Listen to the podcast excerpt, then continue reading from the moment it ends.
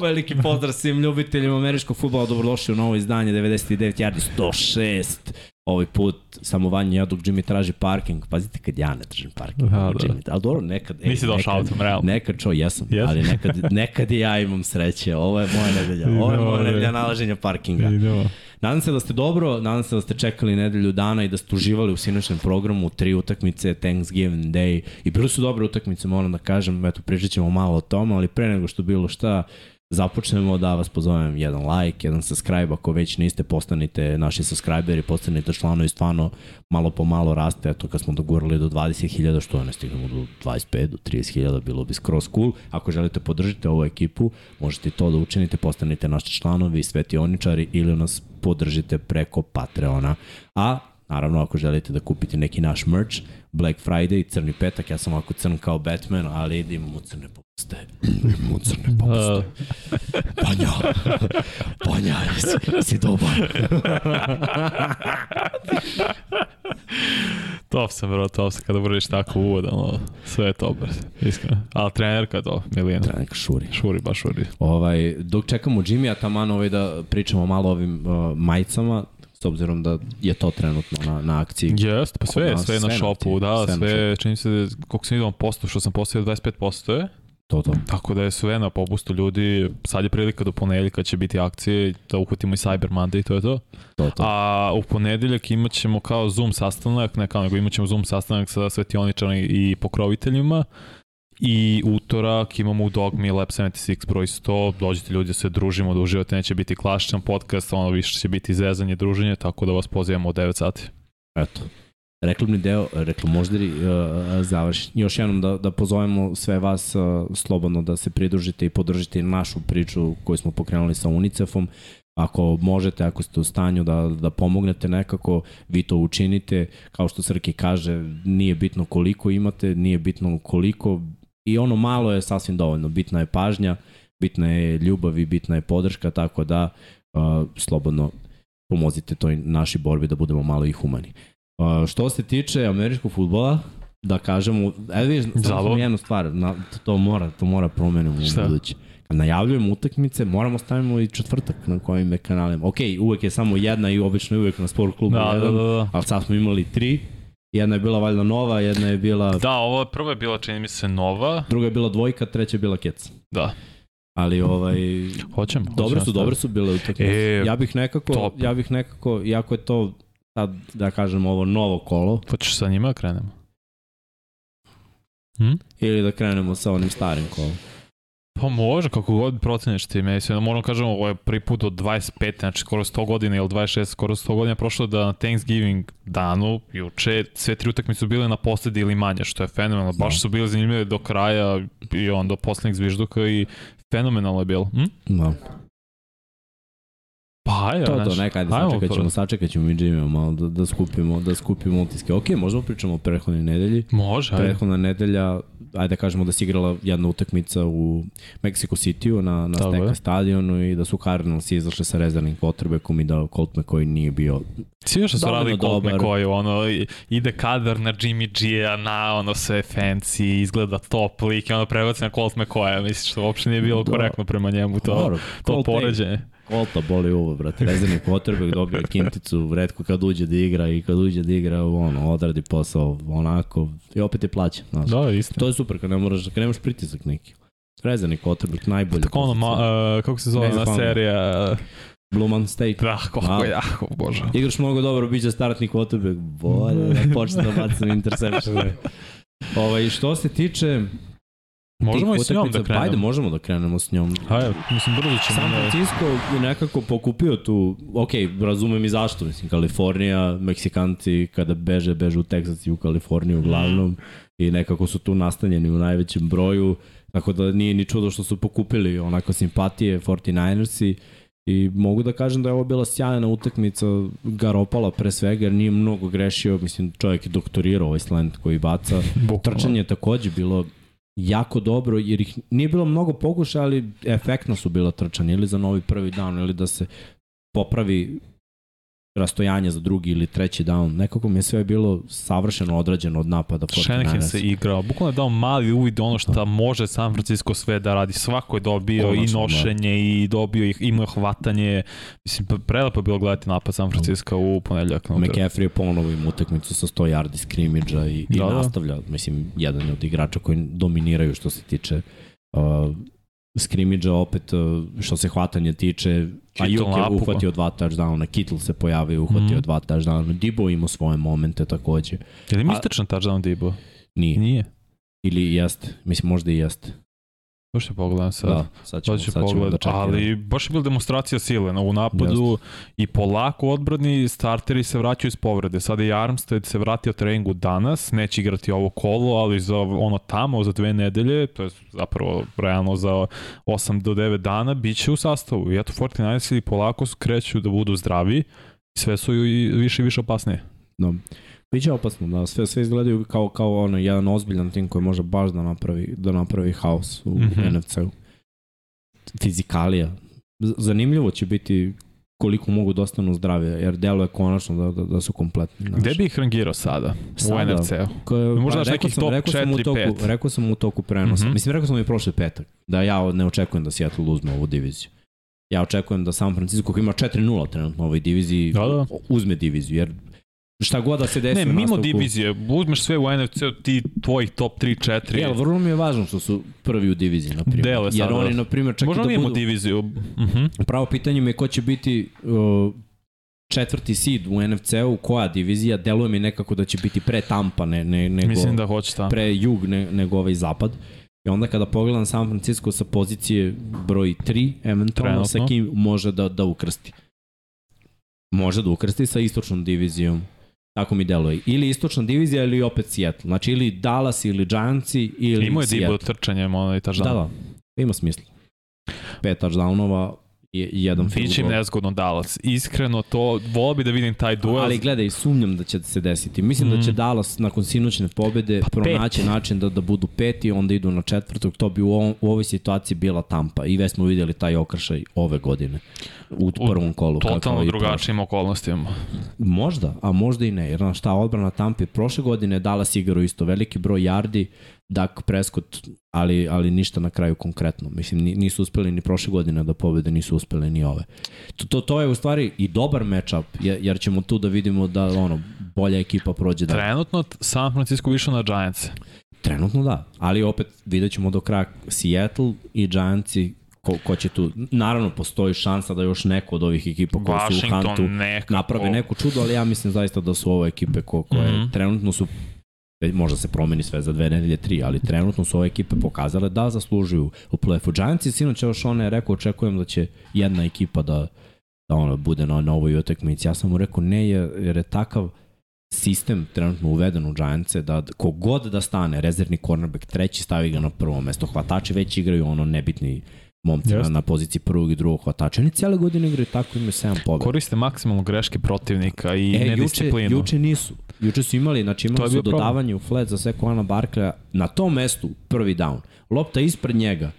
Van der Esch kasni 10 yardi, verovatno touchdown ili 30-40 yardi, znamo sposobnosti Sekuana mm -hmm. Barkleja s loptom na otvorenom prostoru. To su limitacije Daniel Jonesa. Ej, i to je jedna greška Nakon toga su dali kao uvisimo loptu na svoj polovini, odmah više nije jedan touchdown razlike, nego dva poseda i to je za njih nedostižno. A ove godine su uspevali dva poseda čak i da stignu nekoliko navrata protiv Packersa, protiv Ravens. A znači, protiv timova, su... protiv Packersa koji su realno na njeh, njihovom nivou ili ispod trenutno Packersi. Dobro, Ravensi. Ravens su bili bolji, bolji, ali to je tim. bilo, mislim kada? Nema veze, ej, oni će... Mislim na, da je Dallas sada neko ušao u ritam. Neka će uspeti, neka neće. Mm -hmm. Znaš šta je Dallas uradio na ovoj utakmici? Napravio adjustment u drugom polovremenu. Jer su bili slabi u prvom. Jesu, i, i greške i, i žuti i penalties konstantno. Su krenuli više da trče. Oni su imali u prvoj četvrtini 83 yarde trčanja, a na polovremenu 96. To je smešno.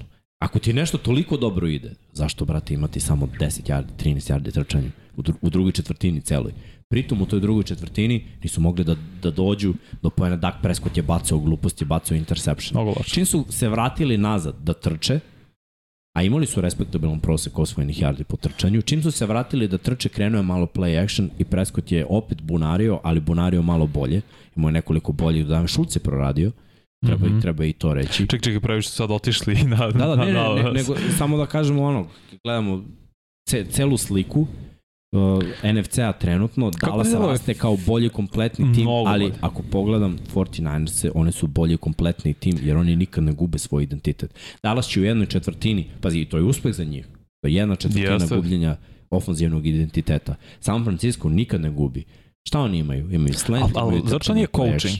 To je To- do to Kyle Shanahana i njegovog sistema da koji Mike McCarthy ne, Ne, može da McCarthy, implementira. Al- Znam, ali zar nije prekršaj i, i konstantni i false startovi, oni Dallas ima najviše u ligi trenutno. Ima, da. Sinoć su imali 13, čini mi se, što je previš, absurdno. Jeste. I to, će možda da ih košta na kraju. Kao prošle godine. To, to ima veze s coachingom, ali ima veze s igračima. Znaš. I nije uvek trener kriv zato što su igrači nedisciplinovani. Znaš, ti možeš, kako ćeš ti da ih disciplinuješ? Mislim, da, da ih naučiš, da ih benčuješ. Onda ne, onda, Zar onda ne pokazuješ ono- da im je cilj da, na, da je tebi cilj da Mhm. dođeš do pobjede. Ubacuješ lošijeg igrača umesto bolje koji pravi grešku. Ekipa mora da shvati, to, to je sad onaj spoj veterana i mladih igrača, da mora da se shvati da je vreme. Pogledaj San Francisco kako je složen. Znaš, tu, tu je, na primjer, bila mlada ekipa gde su oni dovodili nekoliko veterana i bacali ih random na različite pozicije. Kada je došao Garoppolo, on je donao neko iskustvo iz New Englanda, bez obzira da li je bio starter ili ne, on je donao nek, neki pobednički mentalitet. Igra bolje nego svaki drugi quarterback koga je menjao.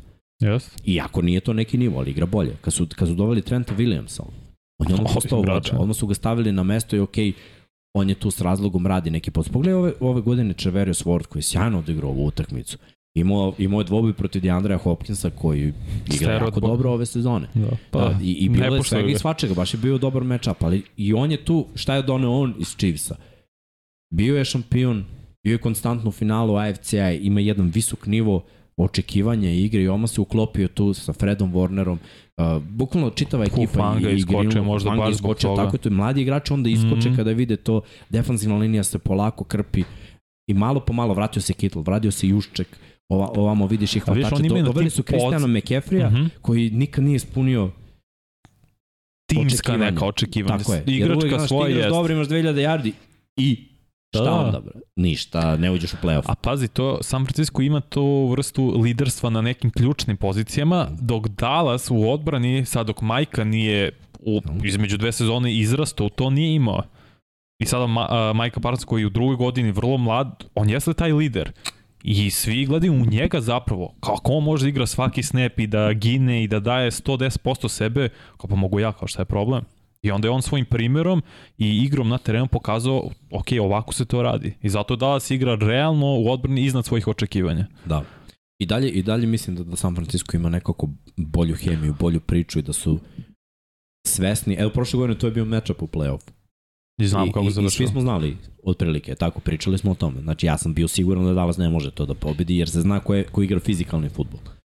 Dallas nikad mi do sada nije pokazao da, da, da može fizikalnim futbolom da dobije nekoga, kad je važno.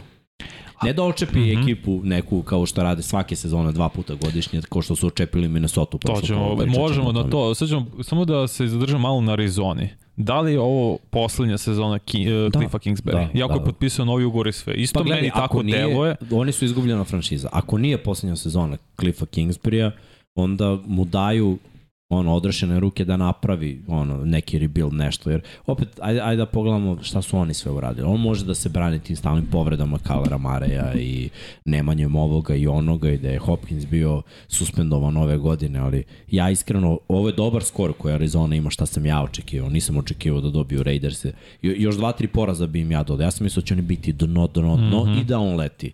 Ali oni opet dolaze do nekih pobjeda. na- Znači, ta je franšiza izgubljena i što se tiče GM-a i što se tiče vlasnika i to nije sad, to je godinama. Mislim, ja sam to rekao, kad je Larry Fitzgerald jedna legenda, on rekao neću više da igram, a možda je mogao, onda budi siguran da, da je video stanje u timu i iskapirao, ok, Nije to to. nije to to, znaš.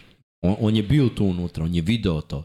I mogao je da igra još, bar još jednu sezonu, bio je u ok formi, ali ono, skapirao je čovjek kao ću da igram za jedan tim čitavu sezonu i to ovo čitavu karijeru i, i to je to ovo nije ekipa koja će uraditi nešto i ono ja volim Lerija i verujem pa, u, u njegov sud. Kyler Murray se vraća sad u nedelju protiv Chargersa, Džab. a sad postoji izveštaj i šuškanje da Sean Payton koji penziji Čuo razmatra to, da. ili Cardinalse ili baš Chargerse. Gledaj, može da se desi, mislim. Da li on može preokrenuti ako, slu, ako ne izabere može. Cardinals? Ne može, zato što Peyton tek nije čovek koji će za godinu dana promeniti identitet. Znaš šta, koliko njima igrača fali?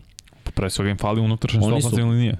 Ali to, Ajde, to, to je ono pre svega, znači imaš i dalje na svom spisku, je tako, to je minimum 10-15 igrača da bi oni bili tim u diviziji koja, znaš, ono, San Francisco će biti dobar tim sledećih 10 godina.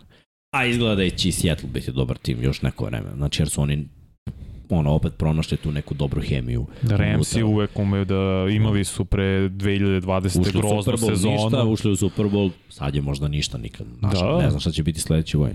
Tako da, ono, ja mislim da je Arizona na jednom lošem putu i da tu mnogo toga mora se menja. I ovaj ugovor Kylera Mare, to je meni tek bio absurd.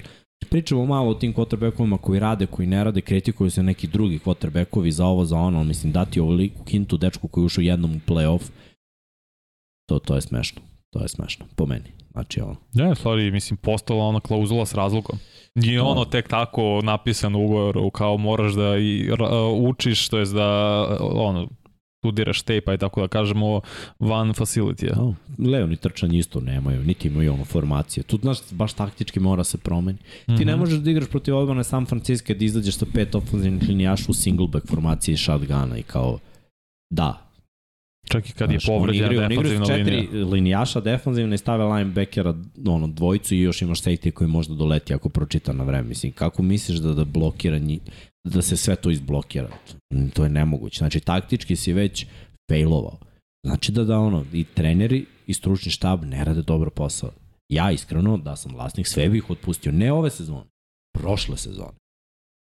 I dobro bi razmislio o, o Maraju i njegovim ucenjivanjima odradio bi mu jedan Deshaun Watson tretman. Godinu dana neka blej, pa neka razmisli. Jer tako treba, mislim da ovde se mnogo maze i paze igrači koji ne zaslužuju.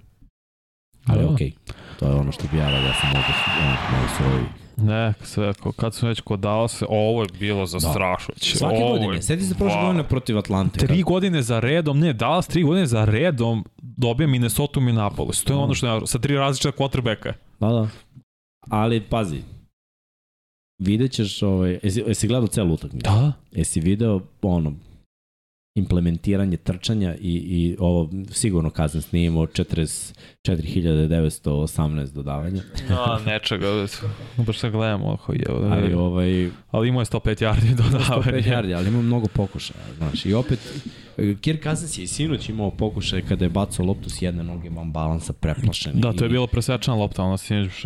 Ali bacio još dve, tri na pamet. Znaš, i on je protiv Billsa u pobedi imao interception jer je bacao loptu na pamet. Mhm. Mm I par puta je kompletirao vrhunsko dodavanje jer je bacao loptu. On, ja verujem da on ono bukvalno žmuri na oko i zna da će igrač da bude neske... Otprilike vidi šta odbrana igra, ako odbrana ne menja, to ima veze sa iskustvom.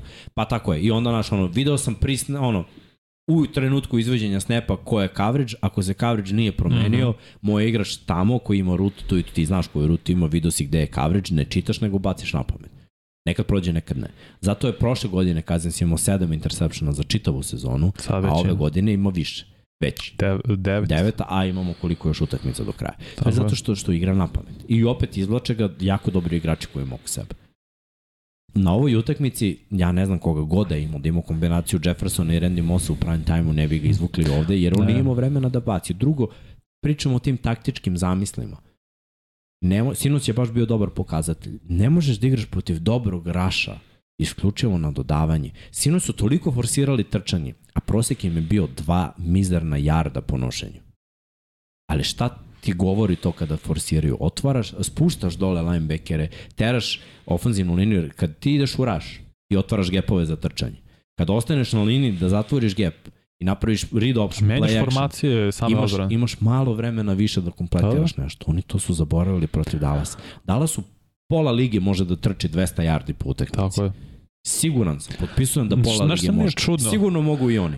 Delvin Cook ove godine beleži 76 yardi po meču. Imao je šest meča da imao ispod 80 yardi. Sad, da li to, da li usporava možda je to running back koji ipak imaju ono, da kažem, kratak životni vek u NFL-u, ili prosto ne dobija dovoljno prilike, znaš, Znaš ne znam šta i dobro, ofenzivna linija je bila problem, Derisov se i povredio Jeste. i out je Ima i i toga, ima i toga. Znaš. Ali opet, evo, meni jedna taktička, ja- nikad nisam bio pobornik telefoniranja u bilo kom sportu.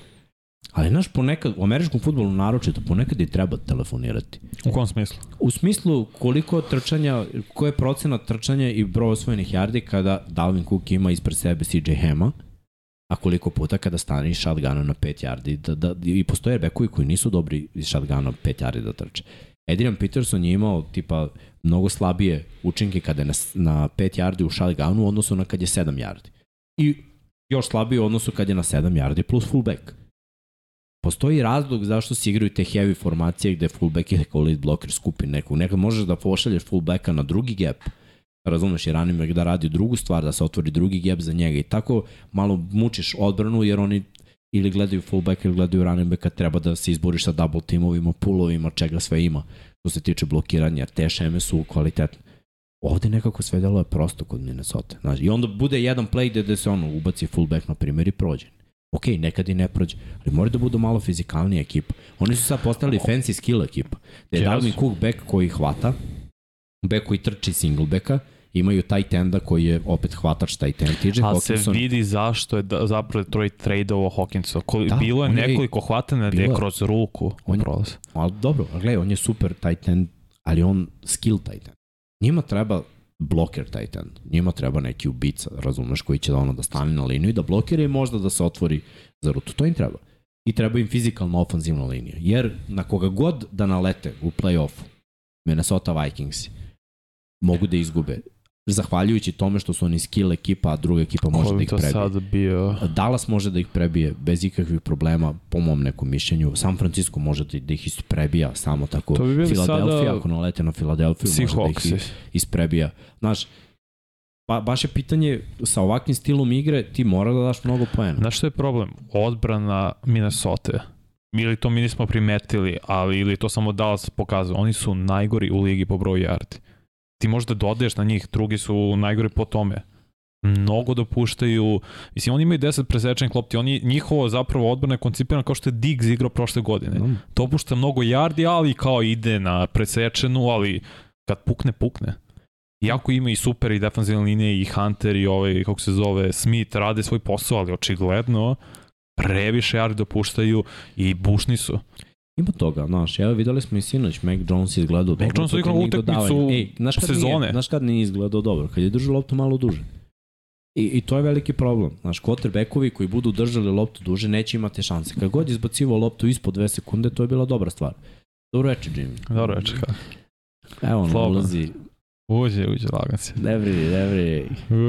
Sve je u pa, pa redu. si, su, Kako što je ne sipaš sebi nešto da popiješ, Šta? pa popiješ nešto, pa ti se ne moraš Pa, odmah isto. Nećemo pijani da idemo na podcast.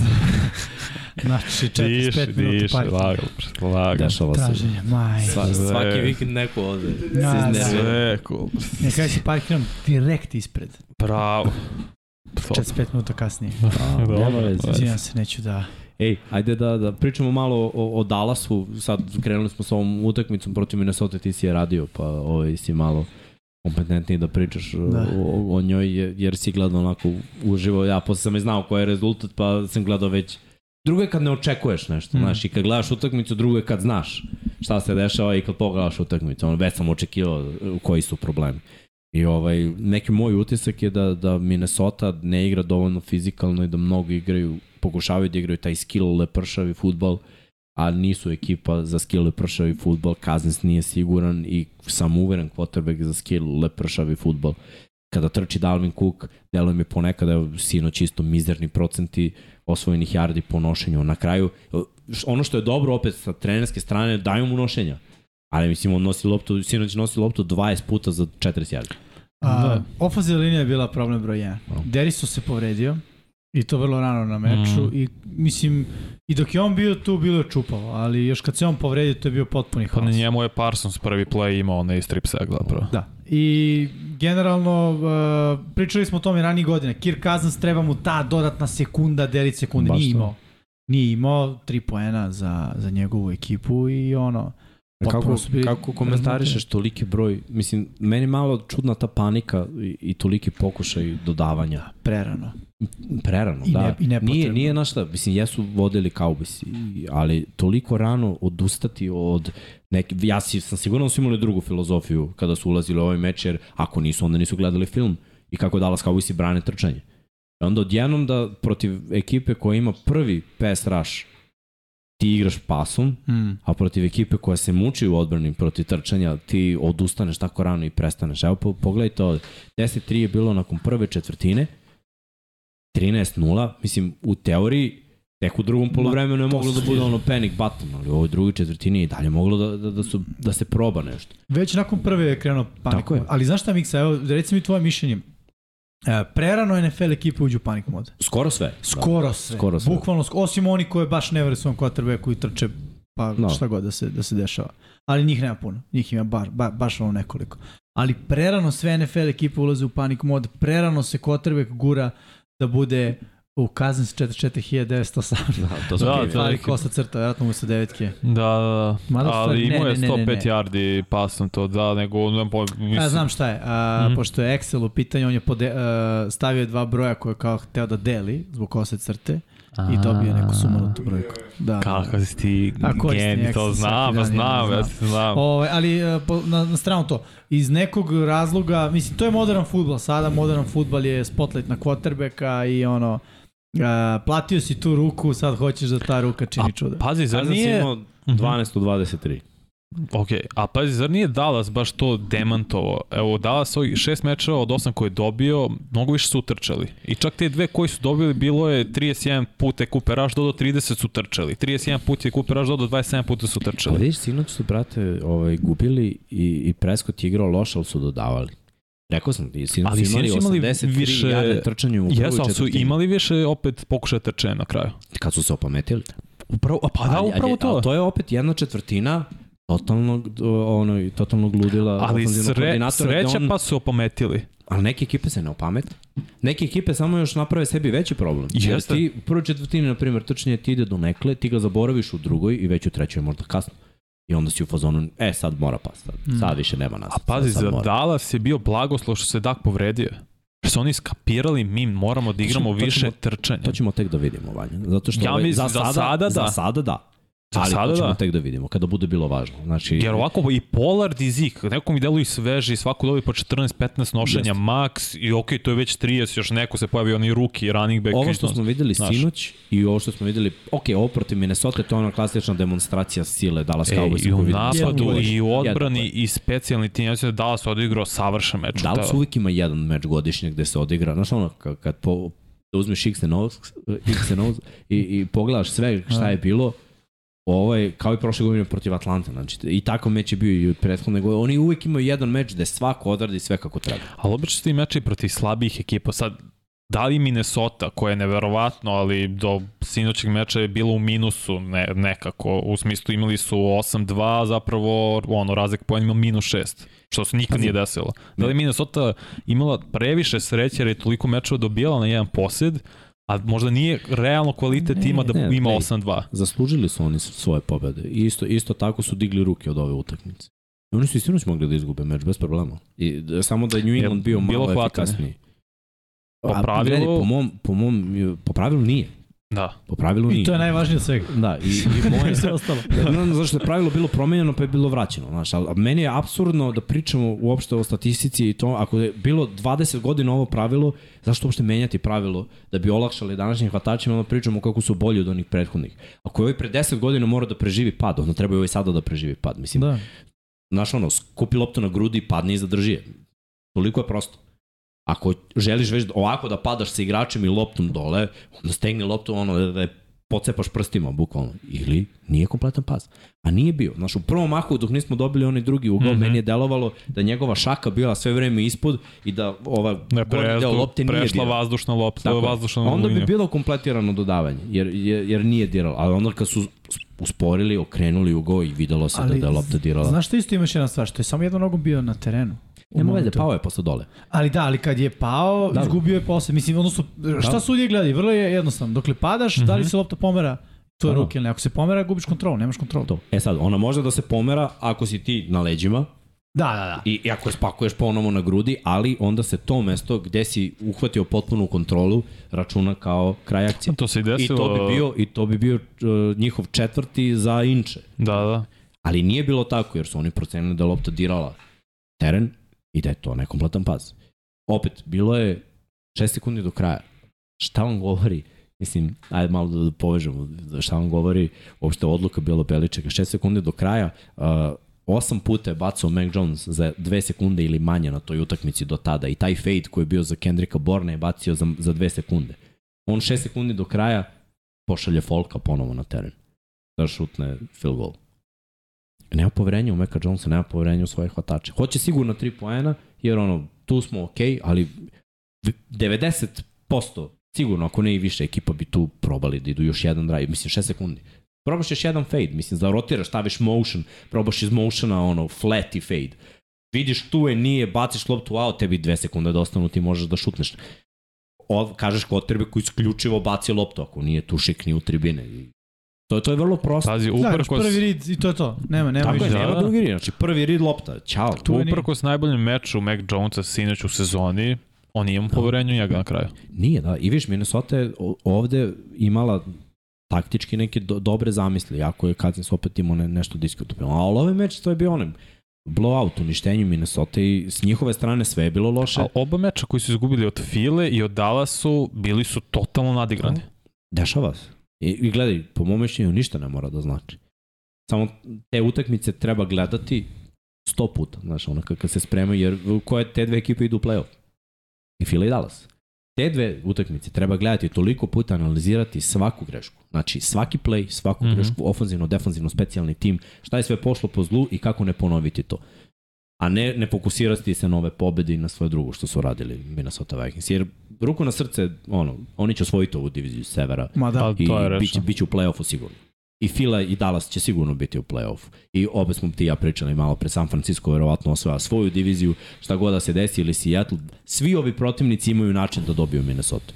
Zato to, to mora da, da, da bude drugačije. Što se Dallas se tiče, svašta smo videli ove sezone. Šta je dobro za njih? Imaju 3-1 u diviziji, to je vrlo dobro e, što se tiče ukupno skora, došli su na 8 pobjeda. U principu njima treba da dobiju Phil. I, i onda To je na, ovaj, na Božića katoličkih. Da. E sad, neće biti lako, opet kad pogledaš raspored koji je ostao jednima i drugima, sinu smo gledali Sean i ja i mislim, lak je raspored. Oni imaju jedni i drugi sigurno ono, 3-4 utakmice gde, gde su favoriti da pobede. I Giantsi i Cowboysi. Urade to, Cowboysi su na 11, Giantsi su na 10 pobeda. Mislim, to je siguran play-off. Dovoljno. Samo je pitanje ko će protiv koga. Mislim da, da, da Fila neće izgubiti ovo prvo mesto u, Mhm. U u svojoj diviziji, a ni u konferenciji. Da. Jer mi je Minnesota pokazala više znakova slabosti nego Fila. Mislim, Fila je izgubila jer je game plan Washingtonu bio savršen. Znači, gnjavi napade od 10 Mm. mm. minuta i ono trči, trči, trči, trči, trči. Koliko je to ekipa još sposobna da uradi? Možda Dobro, i protiv, mislim, sad protiv Kolca je bilo baš neizvesno. Dobro, ali kolci su da. ona ranjena ekipa koja, znaš, ne, ne znaš tačno šta im je game plan. Glavnom treneru to je bio drugi meč. Da, da, Znaš, ne, ne znaš I opet- zašto se spremaš. Uporedi ono, taj rezultat i taj meč i ovaj blowout. Neuporedivo je. Fila igrala loše i ono, pobedila. Izvukla pobedu. Minnesota igrala loše i deluju kao Razvaljena je bila. Houston. Da.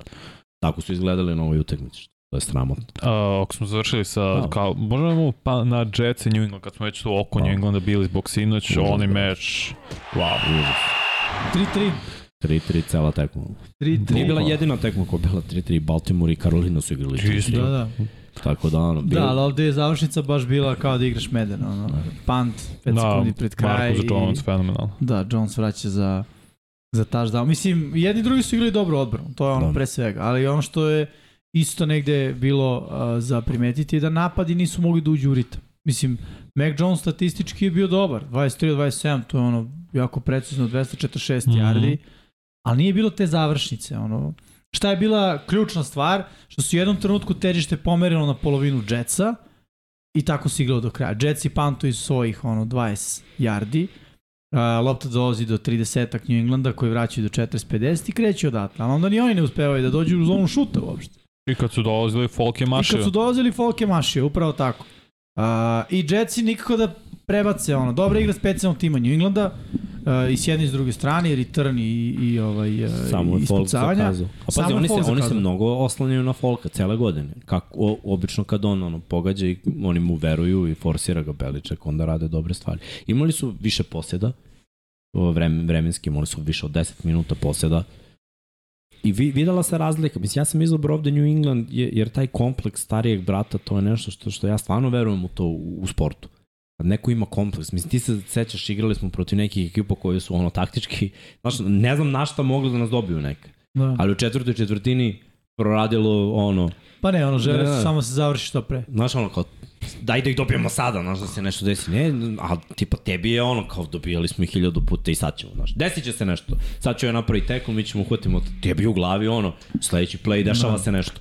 I kad imaš taj mentalitet, Znaš, ono, punt return u posljednjih 10 sekundi. Evo ga, znaš, kao, sad ćemo napraviti punt return za touchdown. Sad ćemo napravimo dobar blok, ovaj će da uhvati, da istrči kako treba. Sve vreme veruješ u nešto pozitivno i to će se desiti. Mislim, opet su sekovali, maltretirali ovog dečaka celu utakmicu. To si lepo rekao, dečak. Pa jeste dečak. Da, ali Da. mislim da je klub samo zbog njegove izjave posle meča, da je mogao da preuzme odgovornost i stvarno kaže ja sam kriv, šta god, igrao sam grozno, ovo je poraz na mene, on je hladno krvno rekao, ne. Pa dobro, nije bilo pitanje da li je on Da. kriv, bilo je da li Da li si odbrano... izneverio da, odbranu. Ne. Mislim, okej, u smislu, imao je neke... Si imao si dva jarda u napadu za celo drugo polovreme. Ili koliko već je bilo, ili sedam. Ne, mislim, sulude brojke si imao i igrao ali si vidi, grozno. bio je i sekovan. Znaš, nije to samo potpuno Ali ne ga. Mislim da, Da, ne, kapiram. nije na neki elitni quarterback, definitivno. Uh, ima svoje probleme i sad sve to stoji, ali mislim, o čemu pričam? To je momak koji je hajpovan uh, na osnovu highlight tape-a sa ono prodaja protiv vazduha. Čemu, mislim, to, To, je su, da, to, to, je su moderni- skautu, to su skauti, izvinite Ne, što ne, preknem, ne. pričali, on ima te momente i herojstva da je izvlačio BYU na nekim utakmicama, ali neke fundamentalne stvari nikad nije savladao i nema to u sebi. Ali Banja, to je college. Ali da, upravo Znaš, to. Da, ali Ja hoću verujem da, znaš, da, da stanem ja na kupe u koleđu bi mogao povežem neke stvari. Mislim, ne na tom nivou, ali znaš, neke stvari osnovne bi mogao, naročito protiv slabijih. Ne, ne, Brate, slažem se. On je sve vreme bio preplašan jer nije mogao pročita šta se dešava Upravo preko. I to. to Bill radi, nije on prvi. Bill je to radio Darnoldu godinama. Da. Ne samo da on pronađe mladog quarterbacka i oni nađu dobru šemu da vidi jedan coverage pre snapa i za sekund kad izvede loptu taj coverage se promeni u drugi coverage i njemu je u glavi pff, Eksplozija, da, da. šta sad, ovaj vidio duhove priča na sideline-u ono, jer ne zna koji je blicer, ne zna gde je stanter, ne može da pokupi ništa, ofanzivna linija je slaba i ne pomaže mu, jer razumeš, onda ima bar još sekund dva, a neće imati sekund dva protiv dobrih ekipa, kao što je ova ekipa. A Plus. oni, a nji- oni se igraju. Oni, svi vidio da New England, oni su definitivno bili ko će sledeći. Ovaj, Da, da, da. dobro, Znači njima je zabavno, jer ga stavljaš na muke i vidiš da se preplaši. Vidiš da mu nije dobro. Da, da. A hoću Ko- kažem, to, to je danas moderni ono, i sport i svet generalno. Samo se hajpuju, ne, samo se prave neke priče koje ne postoje. Znaš, mno- mnogo se priča pre nego što se bilo šta uradi i to je priča Zeka Wilsona. On je draftovan jako visoko. Drugi pick, dva. ali Nije- za nije pro... jedini. Sa da. BYU-a. Mislim, da, da, realno... college je sme, mislim, smešan college, ajde da se... Za futbal, mislim, futbalski Jeste. program im nije nešto. Oni Nije uopšte. kao košarkaški program. Tako je. Ali onda kada, znaš, to uradiš, šta možda očekuješ, izvini. Jetsi su isto krivi jer se znalo da će on biti drugi pik dva meseca ili tri pre samog drafta. I neka se znalo, znaš, nije to toliko... Mislim, otišli smo nije to predaleko. toliko Ho, hoću da kažem, e, imaju vrlo limitiran talent na poziciji quarterbacka. O, ozbiljno. I šta da očekuješ od njega? Hoću da kažem, ako je, je u ligu ušao kao the chosen one, šta bi on sad trebao da se ponaša kao neki... Plus Samo je trebao učenje. odgovornost. To ti je sad uče. N- ali vi znate, opet mislim, je ko- važno, znaš, iz koje si situacije, kako si odrastao, kako si vaspitan, sve to formira, znaš, Naravno. opet, kako su ti sve davali na kašičicu ili nisu, da li si nešto zaslužio ili ne. Uvek kažem, ovi quarterbackovi koji padnu u drugi plan ili treći plan, uvek imaju, e, quarterbackovi, igrači, bre, skoro na svim pozicijama. Opet imaju to, oni kažu chip on the shoulder, ali al to je jedna doza, ono, pite skromnosti koja im posle mnogo znači. Znaš, ono, kao, bio si jednom, nisu te videli kao najbolje. I tebe kada vide najbolje ga možda ne zaslužuješ. Ti si u glavi, ja sam zvezda, idem u New York. To su mediji. I onda tvoja ekipa je dobra, kao što je njegova ekipa trenutno dobra. Mislim, imaju mnogo pobjeda. Iznad Mislim, on očekivanja je igra 5-2 Jetsi. kao starter, Da. tako? Ne, i jeste, i to I sve onda je stoji. tebi u glavi, ok, ja radim dobar posao. Jako tehnički nisi radio dobar posao. Povredio si su predsezoni, nisi igrao od samog starta, pa se vratiš, pa Ekipa igra bolje kad si ti tu, ali postoje matchupovi gde nećeš igrati bolje. Znaš, kao što je matchup protiv New Englanda. Ja nisam verovao da, da Jetsi mogu pređu ovde 10 poena. Iskreno su Pa, pa to sam vam i rekao prošle nedelje. Znači, neće, obe ekipe će biti ispod 20. Rekao si, I to je ja, ja bilo sam bio ispod siguran 10. da New mislim. England ovde na odbranu nekako rešava. Opet pogledam New England ofanzivno, statistički dobro, ali toliko muka što samo govori da su ovi Jetsi ono legit odbrana. Mislim, ja se Yes, yes. yes. u prvom kolu sam gledao Baltimore protiv ove odbrane i pazi, Baltimore je heavy run ekipa koja ono trči i znaš da trče i ono i Lamar trči i prave se čuda prvo poluvreme trojčica. Frka je bila. Što znači ova odbrana zatvara trčanje i onda imaju Pa zatvara mlade, mlade DB-ove koji grizu, ono, koji su željni da pozivaju. najbolje oceni DB. Da bi quarterback mogao tu da kompletira nešto i, i da bi ekipa mogla da pomera lance, ti, ti moraš da, Al- da budeš samouveren i mora biraš prave akcije u pravo A vreme. pazi, pričao si o kulturi i vaspitanju, obojca ste za, za quarterbacka. Mislim, to se nikad nije dovodilo, sećate se Eli Manning kakve je uvek odgovore dao na pres konferencijama. U- vreme, Vanja. Ne, ne, i, ne jeste, ali te, a, pik broj 1 te godine bio Trevor Lawrence. I on je mladi, svi ovi- i određeni mladi quarterbackovi znaju da se snađu na pres konferenciju oni- ili na podijumu, oni kažu šta treba, jer su svesni. Ali sad ovo, gde je igrao Trevor Lawrence na koleđu? I šta je Upravo uradio? to. I šta je Upravo bio to. i u kojim pričama je bio. Tako je. Ovaj momak to nije. Kao i s druge strane Justin Fields, isto velika škola Ohio State. Tako je, tako je. Oni nauče, Mac Jones, znam, on, Da, da. znači, znao je u ruke godine šta da odgovori kako. I to je to, ali to je proces koji moraš da naučiš. Mislim, imaš sve resurse i pitaš, u najgru slučaju, pitaš Joe Flaka, koji je isto to bio, odgovara gledaj, kako još treba. Jedna, još jedna stvar, toga se sećam još Kobe Bryant je to pričao. Najgora stvar je kad si, brate, znojav, emotivno si realno oštećen. Igrao si utakmicu 3 sata i izgubio si. I neko ti nabije mikrofon u usta i kaže, ej, šta misliš o ovome? Ali Ono, nije ti u odmah tom bilo. trenutku ne želiš da pričaš uopšte. Ali nije bilo nekim- odmah na onda si nije, iskulirao nije, nije podijum, nije, nije koliko je važno. posle podijum? Pet, S- pola sata. Sve jedno, Vanja, pola sata, ono, nakon, nakon tri sata utakmice, verujem, ja I nekad sam znao nedelju dana da budem da. od, od naše ono, amaterske lige potpuno Ne, skrkan, i, razumiješ? jasno mi je, Jimmy, ali plaćeni su milione. Nisu Sve jedno, ali koji već- odgovor očekuješ od njega? Šta ako ja sam pogrešio, bit ću bolji sledeći, i kažeš, Da. bravo, super, sad si i dalje najbolji moj somlje. Nije, dalje igraš loše. Ne, ne, i dalje bi taj igra lo, odgovor, ali, ali to je ta, samo da preuzme odgovornost. Ja verujem samo zbog svog odgovora on benčovan. Jeste, i gledaj, i to je dobar coaching. Jeste. Odmah hoću to Izgubio da bi tim napomenem. Sala gde je dobar, ostao. do, do, dobar coaching, znači Sal, Sala zna šta radi. Znači ono, moraš da postaneš deo ove ekipe, nisi deo ove ekipe. Znači ono, dovodiš pola ekipe do frustracije bespotrebno Da. i još glumiš neku zvezdu. Nisi zvezda, zamenjiv si. Ono, možemo te biramo kao prvog pika na draftu, da damo šest pikova za tebe, ako ne budeš ispunio naše očekivanja, zamenjiv si.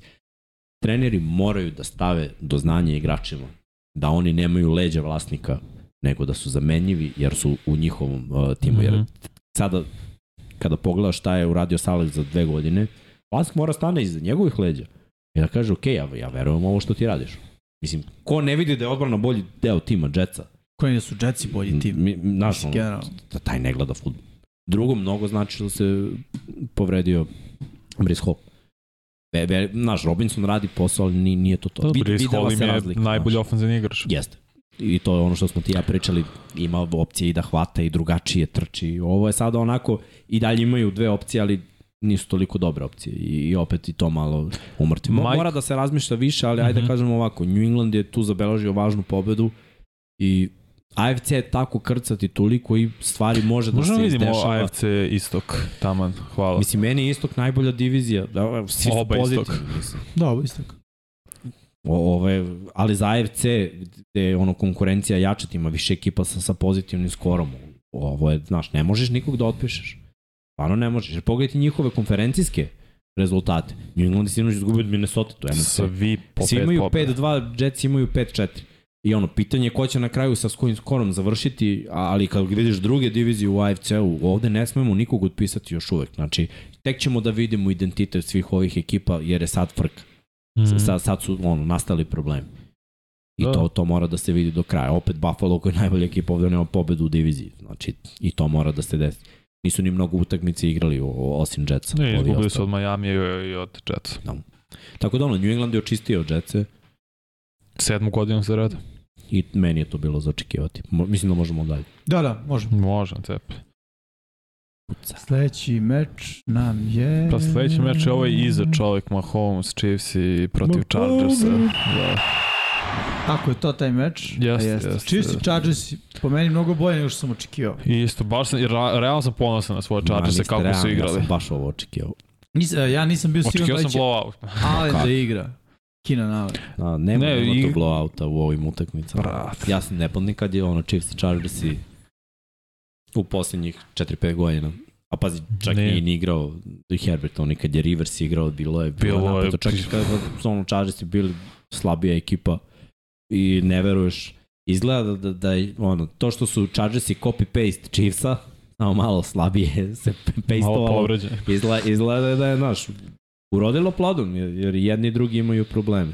Uh, šta mi se svidelo na ovoj utakmici, uh, i jedni i drugi su shvatili da je ono, da trčanje treba da postoji, Da, da, da. ove ekipe koje to mogu da zaborave lako.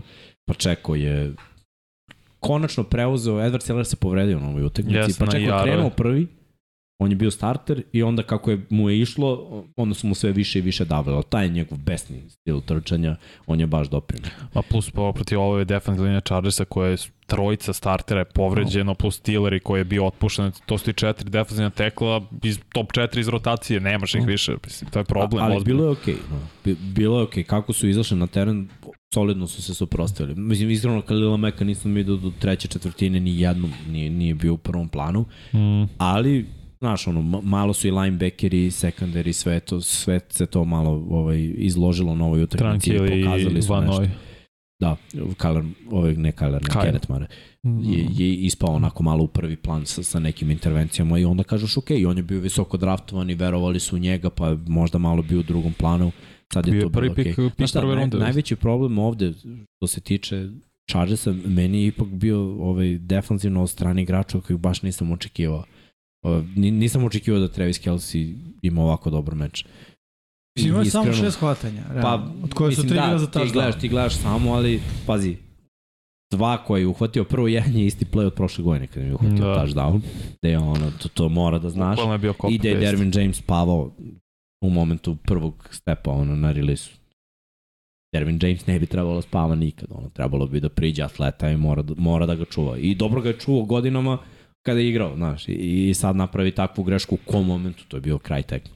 Drugo, kad je hvatao onaj kroz druge strane, mislim, Kelsey je znaš, ono, da ne kažem ljigao, ono, sliperi, sliperi. Ono, Da. izbegava, izbegava baranja, ba, ti ga uhvatiš i on nekako ono, Yes, se. mrne se levo, desno, Yes. odjednom je u prostoru i tu je najopasniji. I, Da. da. Jako delo onako krupanje i nije dovoljno brzo, on uvek, ako ga pustiš na otvoren prozor, ćao zdravo. Što, što dosta tih bivših igrača kažu football speed. Možda neće trčati 40 yardi nešto brzo, ali slobodno, u igri. Igra uglova. Da. Znaš, i, on baš zna igru Tako je. uglova. I, I tu ih je izdominirao. S druge strane, šta mi se nije svidelo u napadu Chargersa, opet nije bilo identiteta u tom power runu, Michelle je ušao dva puta. Pa nema, Staley mislim da, izgu, da polako gubi konce i da Forsirati nema... Ekelera, Ekeler dobar back, ali nije za power run situacije. Oni su opet imali power run situacije gde njima najbolje izlomljeni Herbert da radi sneak. I ono, nekoliko puta, ili ne znam, da, Oni da, treba da forsiraju pokušava. kao što Dallas ima. Znači imaju opcije da imaju one two punch, ali iz nekog razloga ni Joel Lombardi koji poziva akcije, ni Staley koji to aminuje, ne rade to. Plus Mike Williams opet se povredio, što je Jeste. neverovatno, mislim, imao je nastavno. sjajno hvatanje, sve stoje, ali opet se Ali povredio igrao, čovek. on je igrao je rovit. Mislim, Pa ja sam znam. imao tu povredu.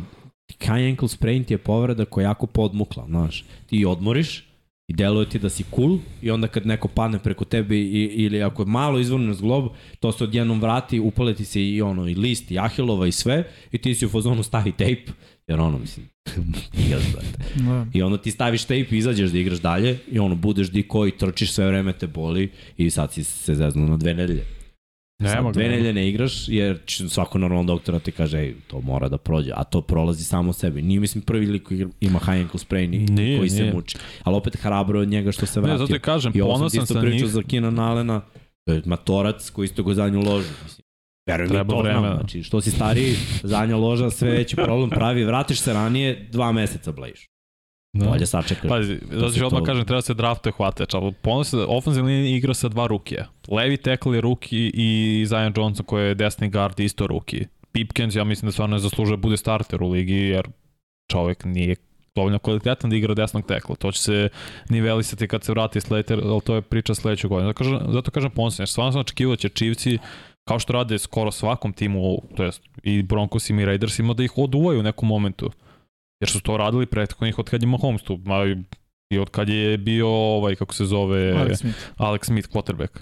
Tako da, on, na poslednjem playu da izgubiš, stvarno nema, mislim, to mi sam daljinski da što to desilo, bukvalno kad sam video da je ovaj Ma nema ušao u end To je zonu. realnost, znači, evo, Ponadaš se, znaš, 27, 23, okej, Mi ne, smo neće radili- kao opet, da, zapravo hoće opet. I, Mi smo radili utakmicu, znaš, i kad radiš Chiefs i Bills, ti si radio sinoć Bills. Hmm. Mislim, ono, ja sam upalio u tom poslednjem drive-u, uh, jer sam se iznervirao, sam gledao Srbiju, Brazil. I bukvalno sam ono, u fazonu, teo sam da premotam i da gledam celu, da ne znam ni šta se desilo, ali rekao ne mogu. I puštam i ono, minut 50 je do kraja, Lionsi su u napadu i gledam taj njihov napad i mislim se ako daju touchdown, A rekao, moraju potroše vreme. Rekao, neko osvoje prvi down, neko osvoje 3 sekunde, pa i da šutnu, ono, produžetak. Su ostavili 23 sekunde, to je to. I za Chiefs-e i za Bills-e. Koliko god vremena da ljudi misle da je malo i da je ostalo. Mahomes i Allen, Jedan pas. to je to. I znaš, i nemaš ti onu dozu šta će da bude, jo, no, brate, ja znam šta će da bude. znači, ide, ide dodava. Mislim, ima tu jačinu ruki Herbert, nije da nema. Realno. Ima, ali Ima. njihov game plan je drugačiji. Znaš, yes, Herbert će, jest. će drugačije gađati u tim situacijama i, i Pazi, odbrana će drugačije sam- igrati protiv Herberta. Samo Holmes je rekao da Herbert ima neko dodavanje koji niko drugi u ligi, čak ni on ne može da Sigurno. izvede. Sigurno. Ali oni pas sinoć Alena, pa ja mogu, mislim da mogu trojica ili četvorica maks od 32 ako startnog otvora da izvedu to. A da. Ono je bilo Projektil. proj, bukvalno projektil. Projektil. Ali pa za Chiefs se ovo samo nastavljaju nekim aj kažem tihim koracima ka tome da jesu sad na najbolji u AFC-u. Znači, niko ne priča o Chiefsima toliko, nisu neki medijski pumpano, Ne, ne, meni su ali Chiefs najbolji i to igraju rekao, najbolji futbol. Ono, ja sam ih pogrešno video jer izgubiti onakvu metu za mene je bio veliki problem. Odbrana im je u sekundariju, mislim znaš šta, još uvijek ih niko nije ni kaznio. Chargersi su bili najbliži, imali su dobra vertikalna dodavanja da malo kazne. Raidersi su izgubili utakmicu isto na glupost protiv njih, iako Mhm. su igrali dobro. To su ekipe koje su kaznile taj neiskusni sekundari, a opet njihove odbrane su bile nesposobne da zaustave napad Chiefsa. I onda kad pogledaš manje više, Billsi su jedini imali kompetentnu odbranu da zaustavi taj napad Chiefsa jer je Mahomes bacio interception. Oni su bili i u toj tekmi. Ono, kolci šta su radili, ja nemam pojma, ali ajde, A bravo. to su greške Chiefsa, Znaš. Chris Jones pre svega, ono glupost koju je napravio. Pa ajde da kažemo, možda to i nije bilo, ali nebitno. Da kažeš, ono, izgubili su dve utakmice na koje, ono, i Dobijeno. dobro je što su izgubili da im u glavi bude okej. Ipak smo, ono, pobedili, Pobedili, da. ali ovako... S druge strane, za, za Chargers videli smo njihov skor. Ne mogu da ih otpešem i dalje, znaš, jer bit će oni zdraviji u jednom trenutku Nadam se. u, u ovoj sezoni i, i postoji šansa da, da se boriš za, za to mesto, jer gledaj drugi timove koji se bore za ovo mesto. Jets imaju problema s quarterbackom, New England ima problema s ofenzivnim identitetom, uh, Bengals imaju problema sa Pazi, povredama isto. Mixon out, pitanje Da. da. li će Jamar da se vrati I sada. kako će da se vrati kad se bude vratio? Njih čeka najteže raspored jer su bili prvaci divizije Mhm. prošle godine. Pogledaš AFC okolo naokolo, ovaj ostatak zapada ja otpisujem i, i Raiderse i Denver. Uh, što se tiče ostatka istoka, da kažeš ono Međusobno. Miami, Billsi, ove ne smem da otpišem, ali verujem da će se Jetsi, Patriotsi, uh, Chargersi klati za playoff sa Bengalsima i to je to Cleveland i Pittsburgh isto otpisujem nekako mi deluje da, da su to tri ekipe koje moraju nekako da nađu način da nižu pobede, da ne bi vratili ove ekipe koje su trenutno sa ono 3-4 pobede u život. Mm. Jer, jer to ne bi smelo da se desi. Ne, moraju, samo budu zdravi. Nada se Keenan Allen će igrati i nada se će ući u neku formu iz nedelju u nedelju i da će to ličiti na nešto, jer bi si propustio je čovjek osam mečeva. No, gle, bit će bolje. To je mnogo. Vi na ovoj utakmici ima ono hvatanje Igra kad je bilo najbitnije. Igrao je dobro i Palmer se isto vratio, tako da Everett se povredio. Da. To je još jedan problem, sad nemaš tight enda kao opciju, tako da vidjet ćemo koga će da iskopa. Nekog iskopa ovaj DeAndre Carter, na primjer, je se Mm. pokazao da ok, može bude dobar receiver kad nema više nikoga. Veruj mi, Vanja, znači, ekipe koje su dobre s dobrim quarterbackom, kogod da se povredi okolo, nekako mi deluje da imaju šanse da, Da. play Dok se quarterback ne povredi. Mm. Gle, prošle godine ja sam siguran da je Lamar bio zdrav da bi Baltimore sa ono 20 startera povređenih ušao nekako u playoff, jer ipak taj quarterback pravi razliku. Da, i dobro, i- Herbert je, Rovit. Ali nema veze, znaš, i dalje igra na dobro nivo. Ovo je bila dobra njegova Jeste. utakmica. Znaš, opet si video neke, neke stvari zbog kojih kažeš preću da verujem njemu nego bilo kom quarterbacku New York Jetsa koji imaju možda bolju odbranu, koji su zdraviji, ali, znaš, nema Herbert. New England, ok, imaju ono, dobro odbranu, dobar sistem, ali nemaju neki ofanzivni ritam, mnogo je tu fil golova. Opet više verujemo Herbert. Znaš, ovamo je Burov, ok, Burov je zdrav, Herbert, to je klanje, po mom mišljenju, Mm. mm. za, za, za playoff spot. Trenutno. Sve to može da se promeni, ali mi Da, komentarišemo da, ali trenutno. ono, u naredne dve, tri nedelje će biti već stvari jasnije. Jasnije. Da. Da, da se Ali opet i dalje, iskristališ. ne, nije ta situacija da, da imamo potpune outsidere. E, ja se slažem, Chargersi su, Chargersi su tu na pola, mislim. Mogu Pa. da propadnu, a mogu i da dođu u playoff. Baš to. Ja, protiv Cardinal se mo, će možda biti i ključno. Ako ti nemaš Cardinalsa da pobediš, Baš onda tako, ti ne treba sada, to playoff. ide sada. Pa da. Radit ću tu utakmicu i ono, baš me zanima da vidim šta i kako. Ćemo dalje da vidimo Možemo. naredni meč Pa, pa, pa, pregled. celo Put kola. hoćemo Znači ja sam preskočio dobar dan. Nije, sa dva meča se pre... Dva meča. Titansi protiv Packersa, to je bio Thursday night, tako je počela a, nedelja, dobili su Titansi 27 prema 17. Bersi protiv Falconsa, mislim na kraju uzbudljiv meč, a, dobili su Falconsi, Pitao si me Vanja kako će Falcons da dobiju Berse. Eto, isto, znači, imali su Bersi prilike, Coaching, Fields je imao prilike, Imao ali da. greške i na kraju i zapravo i pokidao rame, što pitanje je da će igrati baš protiv Jetsa. Na gluposti njegove, mislim, to su ono, neću nije ruki, ali greške mladih quarterbackova. Herojski taj futbol, mislim, pogodio je dva puta ljude u kacigu dok je dolao. I gledaj, To je opet neverovatno. Od, odbrana Bersa isto mnogo, mnogo na se. prosečnom napadu koji ima ono dobru šemu, ali Mariotu. I eto, malo po malo gledaj, Atlanta sa prošle 5-6 godine. održava ono, sebe u životu. Mislim, Pitt se Artur povredio. Smith treba dobar, do, dobar kube. Da, da, Mm. da bi to bilo Da. dobro. Pica, Tako- da, Pica Da, povredio. mislim neće igrati do kraja. Da, ja mislim. Pet je imao hvatanja na ovoj Mm. utakmici, ali a, Brownsi protiv Billsa, Billsi su to rešili 31-23. I ovo je isto pravi pokazatelj koliko Brownsima malo fali. Znači u prvom polovremenu su bili bolji, imali su napad gde lopta ide u ruke hvataču koji ne hvata za touchdown, oni šutnu tri i tu je već kraj protiv Billsa. Da, da. Znači ono, vodiš već jedan posed i ako daš touchdown to je dva poseda i tu ono, odbrana tvoja puna samopouzdanja, ti igraš bolje, ali ti tu daš trojku i naravno Billsima je to Dobar dan. 6-7 minuta, bukvalno. Tako, tako to gledaju. I na kraju ispeva kvalitet. I bit će zanimljivo videti ovaj Deshaun Watson ili, ili Jacobi Brissett. Znaš, sad već su treneri krenuli, već su krenuli šuškaju neke priče da Jacobi ima slačionicu iza sebe i da je ekipa nekako je stala uz njega, ali ovaj 3-7 skor ne govori baš A, tomu teški. Ali ogroman ugovor. mislim. Da, Pa vi ste rekli, ovo je godina ono projektovanja za narednu. Ko će da se izbori, ko može da iskoči, a Mari Cooper se ispostavilo kao odličan trade. Jeste. Tečko igra neverovatno. Da, ali tako mislim da će igrati Deshaun Watson baš da barem Hoće. malo stekne neku konekciju sa svima, sa all line-om, sa receiverima. Uh, ok, Eagles i Colts dobili Eagles jedva 17 prema 16, ono, spomenuli smo u jednom trenutku, Colts su po meni nezgodna ekipa, ne znaš šta da očekuješ, igraju dosta brži futbol nego ranije. Mhm. Čini mi se da se Matt Ryan brže oslobađa lopte, što smanje šansu bude sekovan, jel te, i da Da. donese lošiju odluku.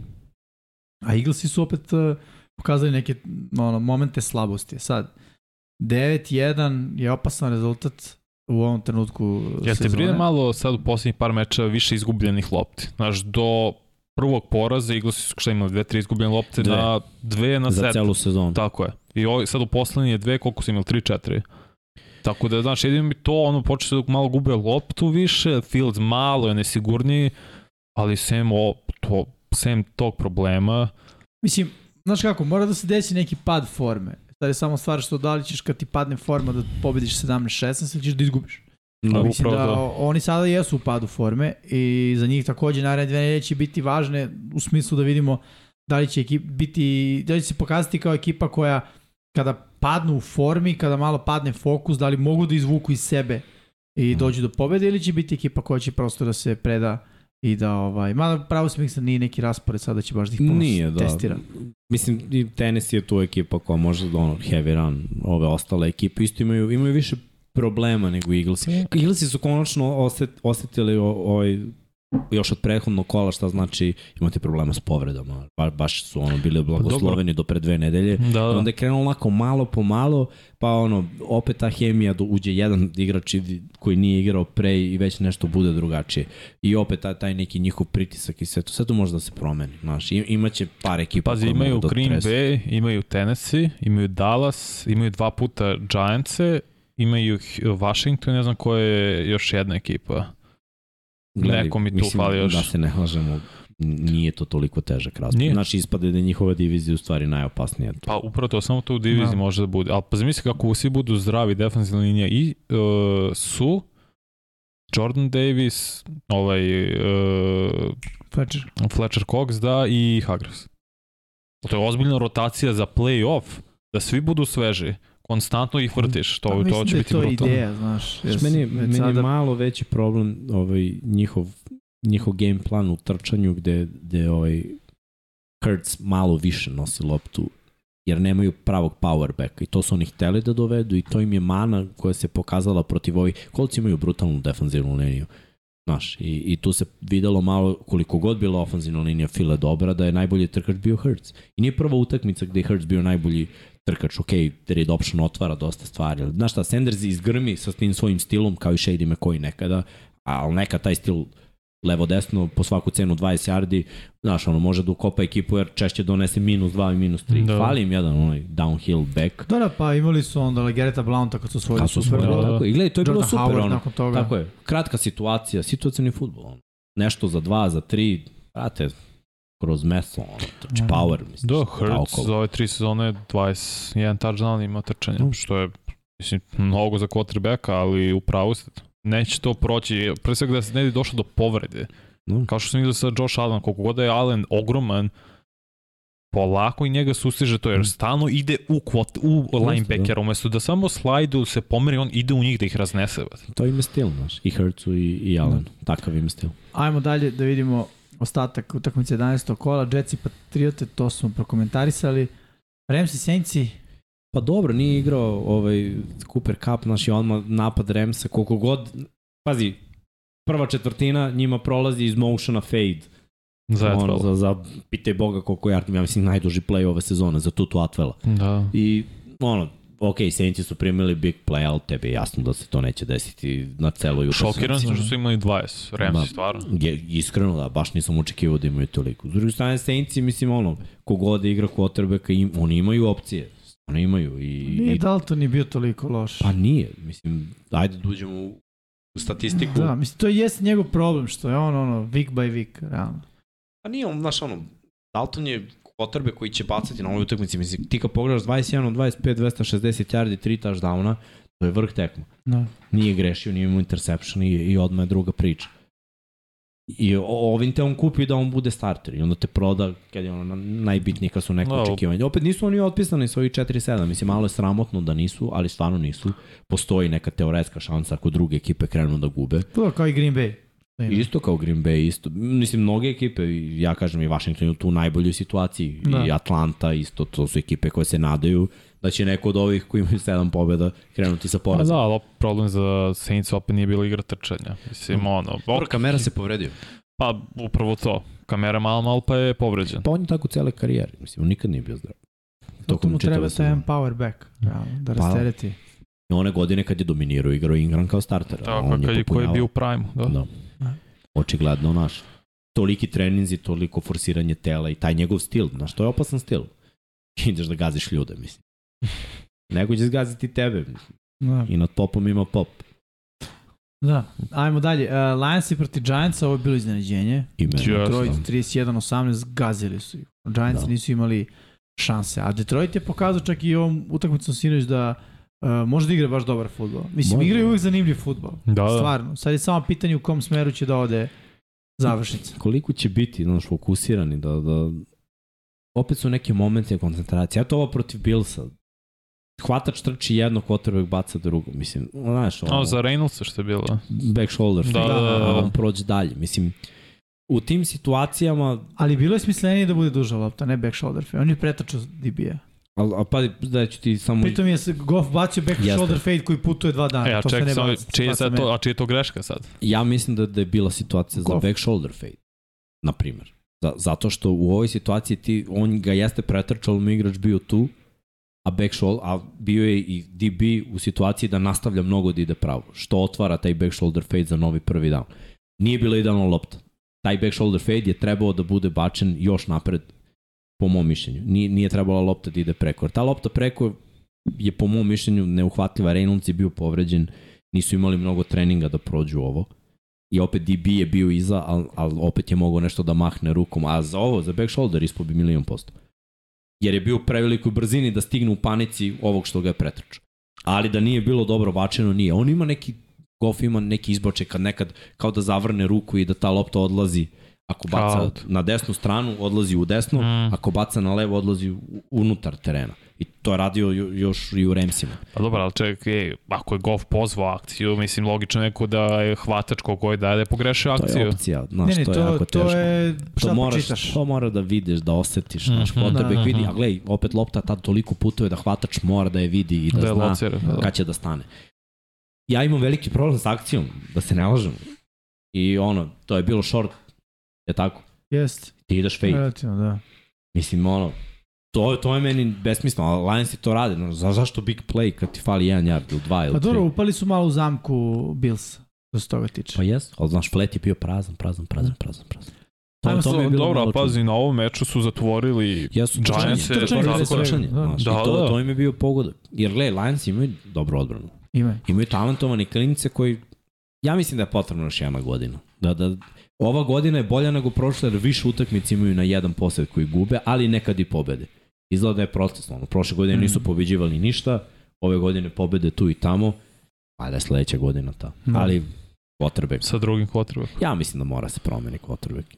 Možda ne volim Jareda Goffa i njegov stil igre. Mislim, igra prosečno Jared Goff, da se razume, ne igra loše, ne igra kao neki quarterback koji, koji evo, Carolina Da li Panthers vam i... deluje da on kao quarterback može da napravi ove hvatače bolje? Ne. Ne, oni prave Ja njega. mislim da je to problem. Najveći. Samo- on će samo- povezati neke stvari, ali Da. niko od njih neće biti bolji zato, zašto mu je Jared Goff. Neće sigurno. Njima treba neko, znaš ovaj, Reynolds je talentovan, Amon Ra je talentovan. I Vratit imaju- će se ovaj imaju i dobre Jameson kao- Williams. Tako je. I, I zamisli sa njima daš Goffa koji je ono jednu tekmu super, jednu tekmu 50-60%. Njima treba neko koji će da im da lopte uvek u pravo mesto da oni cvetaju da budu bolji igrači. treba i neko, njihova generacija.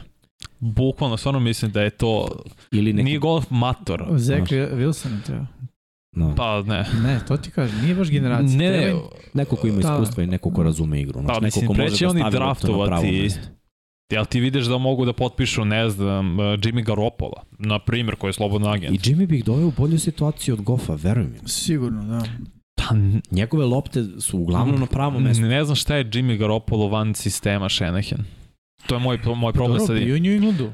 Znaš, Videli smo ga dva meča i to je opet sa najboljim trenerom I sa i ta- sa ta ovim... dva meča su ga prodali u San Francisco. Ne, jeste, sa Josh McDaniels. Da. Ok, mislim, sa kim god Ne znam, ne, ne, stvarno ne, ne Šta znamo znam? šta je Jimmy G Gledaj. To je vidjet problem. će se, uh, sumnjam da Lionsi mogu da razvijaju talent na raznoraznim Pa pozicijama. to i ja mislim. Mislim da je njima boje da uzmu nekog A razvili su talent ofanzivne linije i Jamal Brutal. Williams dominirao ove godine. 13 Ono. touchdownova, samo Barry Sanders je imao i Ali više. ova- 12 je imao prethodnih 5 sezona. Da, Da, da, da. ja, ali ja sam uvijek pričao da je on iskorišćen potencijal Jest. jer trči fizikalno i ono, ima Pritom- dobru energiju, vole ga. Delo je da ceo backfield je zadovoljan. Da je nekako ono low do, e, lepo Pa raspodeljen. da, i Swift i on dobiju svi... Da. Čak i ovaj Jackson, momak, i on se uključuje Mhm. i igra Da. prilično dobro. Ali da, ovdje su, ovdje su zgazili Giants i Giants su baš bili zatečeni. Ono. Pa I sad su Giants u padu forme Tako je, Giants. tako to je. se baš vidi i ovaj meč sinoć je Imaju pokazao po, da imaju... Pazi, sinoć ma, mala falinka, igraš bez dva startna kornera protiv ovog jeste. boljih hvatača. no. Galup. Galup i Lem su bili dovoljni. Da. Bukvalno. Sve, imali su, ja mislim, 8 ili 9 hvatanja za novi prvi down. To je to te Da. uništava. Ravensi.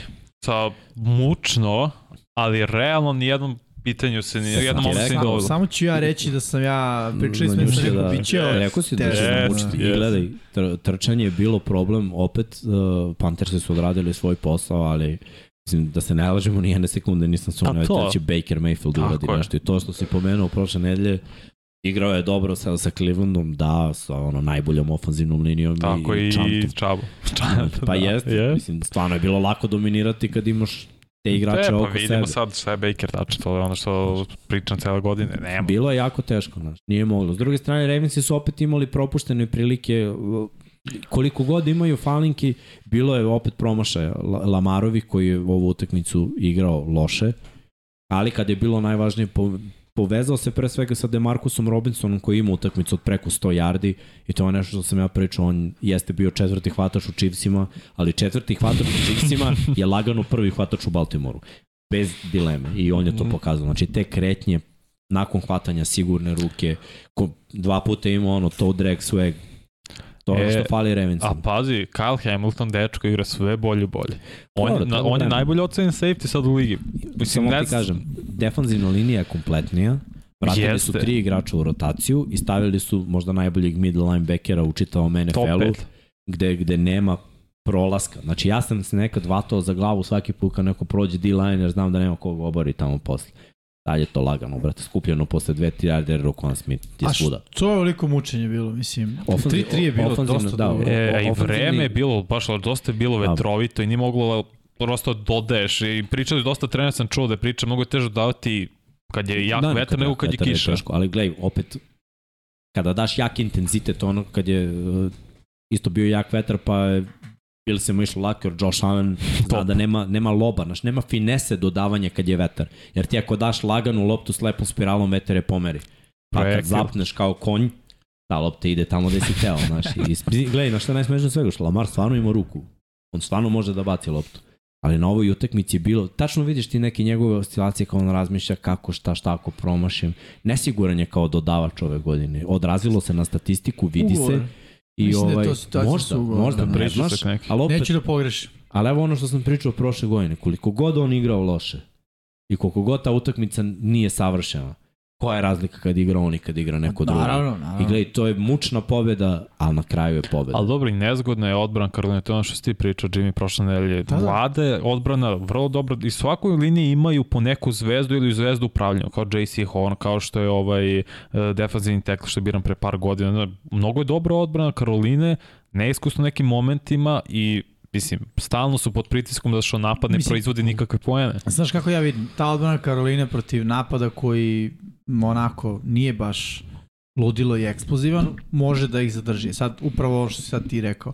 Treba da njihov napad uskoči, napad Karoline, i da tu nešto urede. Napad Karoline je dao jedan touchdown. Da je Znaš, PJ Walker bio, bi bio. možda bi bilo drugačije. Ne bi, ne bi zato što, znaš šta, ne, le, ne bi legli njima Ravensi defanzivno. Jer, pazi, ti sad imaš Raven, odbrana Ravensa, sad sa do, dodavanjem Rokuana Smitha, zatvara trčanje, a imaš mnogo dobar sekundari. I sad se vraća Marcus Williams, koji ima onu na četiri utakmice, tri interception. Mhm. Znači, Ravensi će biti još bolji defanzivno.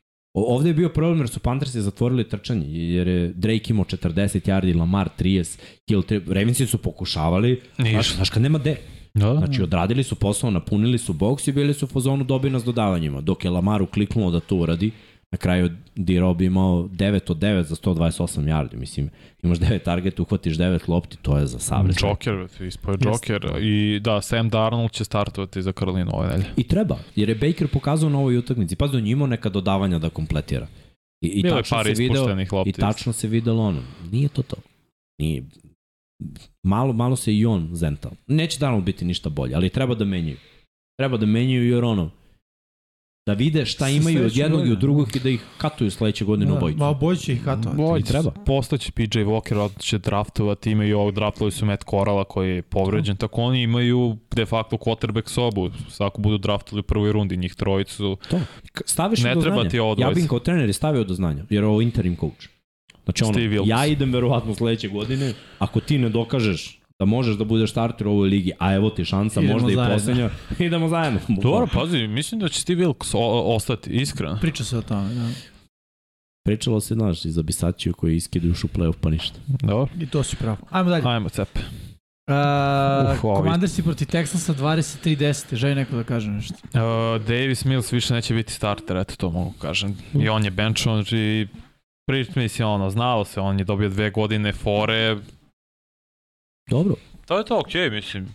Ne, Pričali smo, znaš, quarterback. pričali Znaš smo da je ovo ne, neki projekat Texansa za ovu godinu, nisu žurili da biraju quarterbacka jer nisu verovali u klasu, možda i opravdano.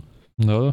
Sačekat će svoj trenutak. Komandersi polako, ali sigurno, znaš, vezuju pobede. Koriste raspored. I ovaj, znaš šta, meni se, meni se sviđa ta neka energija koju su oni dobili ulaskom Heinikea i od tog momenta energija je bolja timski i evo sad šuškaju priče na ovoj utakmici je trebao da igra uh, Young Sve nije bliži igrao, bliži tome sad, da igra. sad se govori već da bi mogu ovo kolo ili sledeće kolo Komandarsi mogu da budu taj tim i senki koji će da se ušunja u, u wildcard. Pazi kako statistika vara. Istu statistiku kao Heineke ima Zach Wilson. Čemu je razlika? Heineke je hrabar i ima stav i karakter. I tu je za tim, stavlja tim prvi. Gle, i spreman tim je, spreman da se žrtvuje isto. Mnogo puta ti vidiš da, da on pokušava nešto, pa makar cena bila da ga ne kubi. kvalitetan quarterback, on možda čak i ispod proseka, ali daje sve od sebe, igra za tim, umreće na terenu. Znaš, zato, zato ne možeš da gledaš samo statistiku, Da. mora pogledaš utakmicu da vidiš ko faktor. kako igra. Mhm. To, to je velika razlika. Kako igrači reaguju na tvoj dobar potez i na tvoj loš potez. Da. Znaš, da, da, da li su igrači deprimirani tvojim lošim odlukama ili su u fazonu, e, bit će bolje sledeći put, znaš. Tu, tu se vidi. Ovaj sport je ipak mnogo vezan za slačionicu i ljudske odnose. Pa ima 50 ljudi, mislim. Da, da. u timu, No. Tako da... Kad smo već kod ljudskih odnosa i... Ajde, da čujemo. Vanja. Pa pazi, Derek Carr nekim čudom odigrao je 10 puta produžetke, Nije 8 to puta je njegovo pobedio. Čudo, ovo je bilo Adamsovo čudo, realno. Jeste, Ona- mislim da se razume da Valente Adams je iskidao i opet Denver sa napadom, eto, opet nisu prešli 18, to je neverovatno, znači da ovo su oni limitirani na tih 16 mučenih poena ili manje i da su E, opet da kažemo da su katovali, izvini. e, Melvin Gordona, Melvin Gordon. da, da što je Da. fumblovao ono, u end zoni. Da, da. Mislim i opravdu ne može Da li toliko će iko puta. pokupiti Gordona? Ja Nažalost. mislim da je njegovo vreme prošlo. Previše nesigurni bekovi što obično nemaju mesta. Ali znaš, ti gledaš potencijal, gledaš dobre stvari, ne gledaš loše stvari. Znači, i bio je malo usijana glava, u Chargersima imao ono, trip da je zvezda, kad smo stavili do znanja da nije zvezda. Nakon A, a grozne pre toga ruke je bio godine. benchovan, imao je problema s fumblovima, onda je došao u Denver i opet uvijek ima probleme s fumblovima. I to se nikad neće ispraviti. On jednostavno tako nosi loptu, mislim. Da, da. Koliko god bio talentovan i ima tu manu. A brutalno je bio stvarno ono, kad, ono, na Može, Wisconsinu. ako bude on prihvati u svojoj glavi da može da bude ono treći bek, može da nađe mesto negde. Dobro, brate, ovo mu je sedma godina, ono, za running Misliš da backa, je dosta? Pa ja mislim da pa jeste. jest, mislim, znamo si pre- prosječna NFL karijera je tri godine. Mislim, Možda dobije priliku kao ispomoć ako se neko povredi u ekipama koji ulazi Misliš u kao play-off, nešto pa kao dubina. kao Le'Veon Bell i taj fazon da...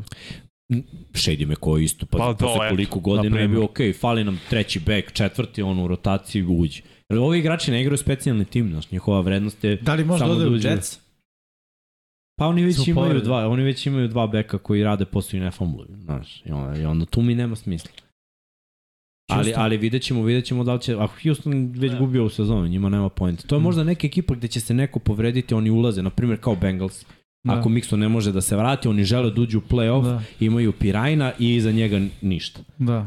I onda kao, ok, možda da uđeš, da probaš, hvataš iz backfielda, to je talent koji cenimo, jer imamo Da. dobrog quarterbacka i to, i to I je da neka igraju na, opcija. na, na, na priču ono, slačionica puna drugih zvezda gde se ti ćeš se ostati malo manje od Da, zvezda. još su u ono- Denveru realno nema toliko zvučnih Pa imena. ne, mislim, I ovde a, su nas svi mlađi i ti dolaziš kao stariji i on spuste glavu i radi Da, da. i A i probe da Zapravo održiš pravo si, karijeru. Bengalsi bi mogli da budu sjajni. a i ti mlađi su njega gledali na koleđu. Mislim, I to je koliko istina, god da. to zvuči suludo, oni, e, od Del Beckham ima taj faktor na mlađe hvatače, jer oni su gledali i to hvatanje i kakav je bio i sve, mislim, taj Znaš utica ima. možda isto, ako prihvati rol trećeg beka, Cowboysi. Znaš ono, Jerry, Jerry voli imena, realno. Da, San Francisco, oni ne, često imaju povređene da running ali San. Francisco Ali- ali, uklapu sad- s taj stil Ne, igre. ne, sad, sad znaš. su oni rešili, znaš, Mitchell, downhill, McCaffrey, sve. Ono, s motionima. I, ni, n- to je sad, I pazi, opet, ti mora da gledaš i ko je sistem. Francisco igra formacije gde, znaš, Melvin Gordon se ne bi uklopio. Mhm.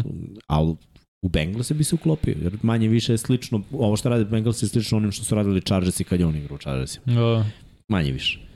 Tako da ono, ima, ima donekle smisla. Cowboys se, Cowboys Kako se protiv Minnesota da, ustanovili. Čekaj da kažemo malo za Raiders, ono, bravo, 3-7, 3-7. Znaš ono, dobiti, do, pa ne, ali ovo je bila utakmica ko, po mom mišljenju vrlo važna, bila malo za, za, moral I ono, Devonta Adams iskuči u prvi plan s najviše uhvaćenih touchdownova dok Kelsey nije uhvatio. Znaš tri. što je meni ovo utakmica ličila? Ono? Oni, oni ko pobedi će da se napije srećan. No. Kao neka liga, kao da je utakmica Beton liga. ono, Sve nebitno. No. Došao si ovde da i pobegao od žene, ono, bukvalno. I kao pobedio si, ti ćeš samo biti srećan kad se budeš napio, ovi će biti tužni kad se napio. Ali pazi. napije si jedni i drugi.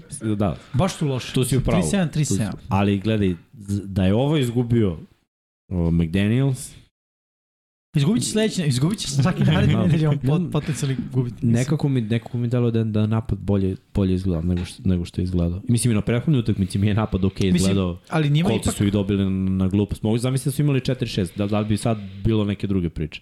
Možda bi. ali njima ipak odbrana veći problem. Da. Jest. Da, katastrofa. Groznim odbor. Grozno. Jer ove godine Josh Jacobs igra ok, I igra za pare. bez. igra za pare, upravo, to si rekao, za sve pare. A, Adams je igra odlično. Carr igra kao Derek Carr, u smislu To ok, pojma solidno. On čovjek igra poker, već. Pa jeste. Znaš šta je ovde bilo? O, napad Ra ovaj, Denver bio grozniji nego što je odbrana Raidersa. Lepo si rekao. Bukval. Iako to nije, to je jako težak zadatak. Veoma teško. Ali uspeli su Broncos Da. tome, da budu loši od odbrane Raiders. Ajmo dalje, Cowboys i Vikings, to smo već konstatovali. Bengals i Steelers i 37-30. Videli smo da će Baš biti... meč. Da, videli smo da će tu biti onako tesno. Steelers, ovi, eh, Bengalsi uopšte nisu neki favoriti ove godine. Mene bi da budem da. iskren, potpuno iznenadilo da ako dođe do play-offa pobede prvi, prvu utakmicu. Bara u polako podiže nivo igre. Podiže, Ma, znam, podiže, ali- ali moramo malo da pričamo i o tome da dr- drugi su tim kad igra Jamar. Stvarno. Pa znam, ali to je velika slabost jednog tima. Jeste. Znaš, Ako nije. ti si Ako all in nije. na jedno, na Ali jedno ime. pogledaj ti ove, ja, ja to zovem prosečne ekipe, ili ono, tik iznad proseka ekipe. Bez Kinana Allena, Chargersi su drugi tim, drugi su tim kad je on tu.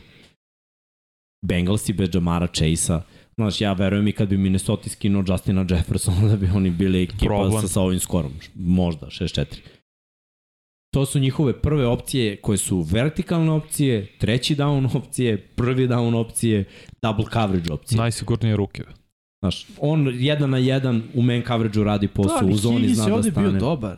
Higgins je dobar hvatač generalno. Jeste, Mislim, ali ja samo ne mogu da dokučim šta se dešava sa Bengalsima. sa Bengalsima se, de, pazi, evo da krenemo od ofenzivne linije koja je pakao. Traži se i dalje. Jer oni... Bila je loši prošle godine, realno. Prošle godine je bila lošija, sad kao uveli su on je četiri drugi nova quarterback sa startera. najviše sekova. Sjeti se meča protiv Tennessee. Sećamo se.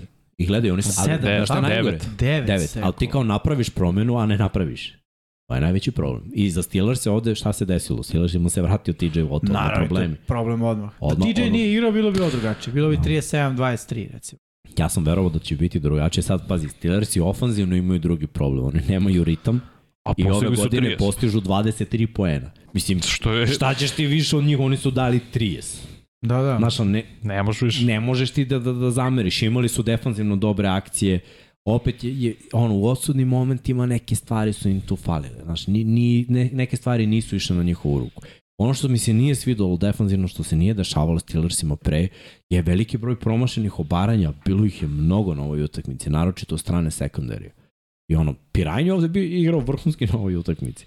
I, i davao je touchdown. I Mhm. nekako mi se pokazalo u tom trenutku Znaš, ono, Hayden Hurst, T. Higgins, Pirajn, to su igrači koji ne, ne gledaš ih kao prve opcije Mm. u napadu Bengals. Ali, što kaže Vanju, krenuo je Buro da, da ih razigrava, da se uigrava s njima. Ne ide mi na ruku ovaj raspored koji će imati do Ne kraja. ide najviše nego što se Mixon povredio. Mislim da će to baš biti problem. Ti, jedna ti se zvezda povredila, ok, pa je Mixon iskočio par mečeva, vraća se u neku svoju formu, pa se on povredi, pa se tek sad možda vraća Chase koji će biti rovit, neće biti 100% prvi meč. To je problem, ali napad Steelers je mnogo mlad i neiskusan. Ovo je za njih ogroman uspeh. Mislim, jeste, da. stvarno jeste i on, Nisu, ja mislim da oni nisu imali uopšte u game planu Pirajna koji je uhvatio tri touchdowna. Mislim da im je to bio Spalja. ono šok running back. A pazi, Pirajn je u play-offu prošle godine. Pa to, Da. da. znači, znači to su njegove, njegovi kvaliteti. I okej, okay, trčao je Eto, oni su trčanje zaustavili. Znači, bukvalno Buro koji je imao četiri touchdowna i dva interseptiona ih je rešio na kraju. I opet, ja uvek verujem u tog nekog quarterbacka koji je, ima smisao i koji zna šta radi. Za Steelers je dobro što, znaš, kao, kao i za Chicago, to sam isto rekao, da se vidi da hvataju malo napredak sa mladim quarterbackom.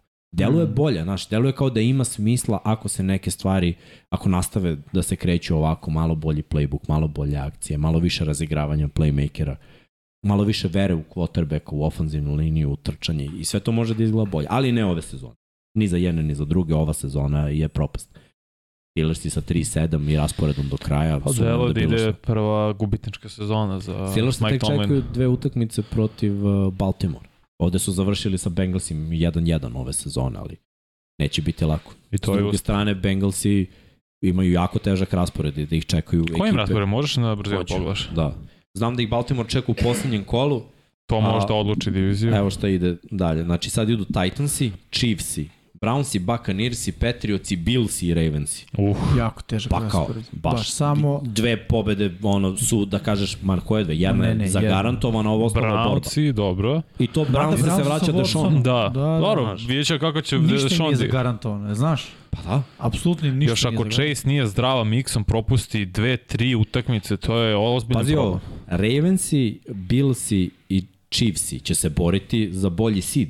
Da. Niko ih neće tu pustiti. A sve ekipe imaju i Tennessee, šta je? 7-8 pobeda. Tennessee se isto bori za bolji seed. bolji. Tennessee, znaš. A to je već sledeće kolo. Da. Plus Tennessee igra taj neki futbol. Mislim, pazi, Tennessee ih je realno pobedio u play-offu prošle godine da nisu imali Da, Tannehill. tako je. Mm. Neko će sigurno reći Tannehillu, druže, Gledaj tape, molim. Znaš, Da, da. Ajde da se ne ponovi. Ono, da, bukvalno imali smo 9 sekova i izgubili smo utakmicu. da. Tennessee igra fizikalni futbol, znaš. Tu, tu sa 6-5 Bengalsi su već u problemu. Zato kažem da su AFC-u javlja šansa za ove ekipe koji su isto Da, da, da. polovične. Ajmo dalje da vidimo, mislim, poslednji, ili tako? Da, već smo analizirali oba meča. Chargersi, 49ersi, Cardinalsi, na baju su bili Buccaneersi, uh, Dolphinsi, Jagsi i uh, Seattle Seahawksi. Tako je, tako je. Ok, hoćemo da istaknemo naše Da, da. Pozitivce, da. prvo Mhm. heroje za ovu nedelju. Da vidimo. A, moj heroj je Jamal Williams.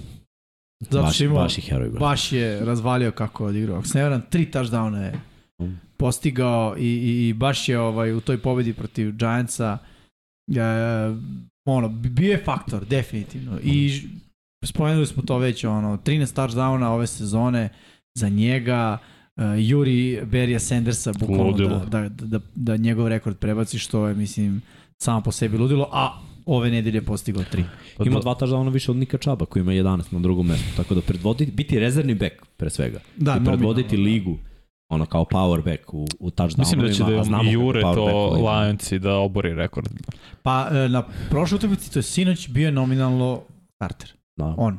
Da, Meni da. se iskreno više sviđa od Swifta. Ako Swift ima taj faktor, tu šestu brzinu, to nešto, Jamal Williams zna šta dobijaš i znaš šta problem je zaustaviti to što znaš kao da, da radi Mhm. Jamal Williams. Dobar je hvatač iz backfielda, odličan bloker i fizikalno trči. I Da. donosi ludačku energiju. Ne možeš da nestaneš Jeste. uz njega. To si videlo još u Green Bayu. Mislim, on pazi, je toliko jedan nesebičan. Pričao si sad ovde. On je bio iza Aarona Jonesa sve vreme. Ni u jednom trenutku nisi vidio neku pohlepu, neku zavist, Da, da. bilo šta, ne, nego si Nije vidio ono osoba. prosto. konstantnu podršku. Da. I onaj intervju kad je dao, kad je prešao u To detalje, da. da.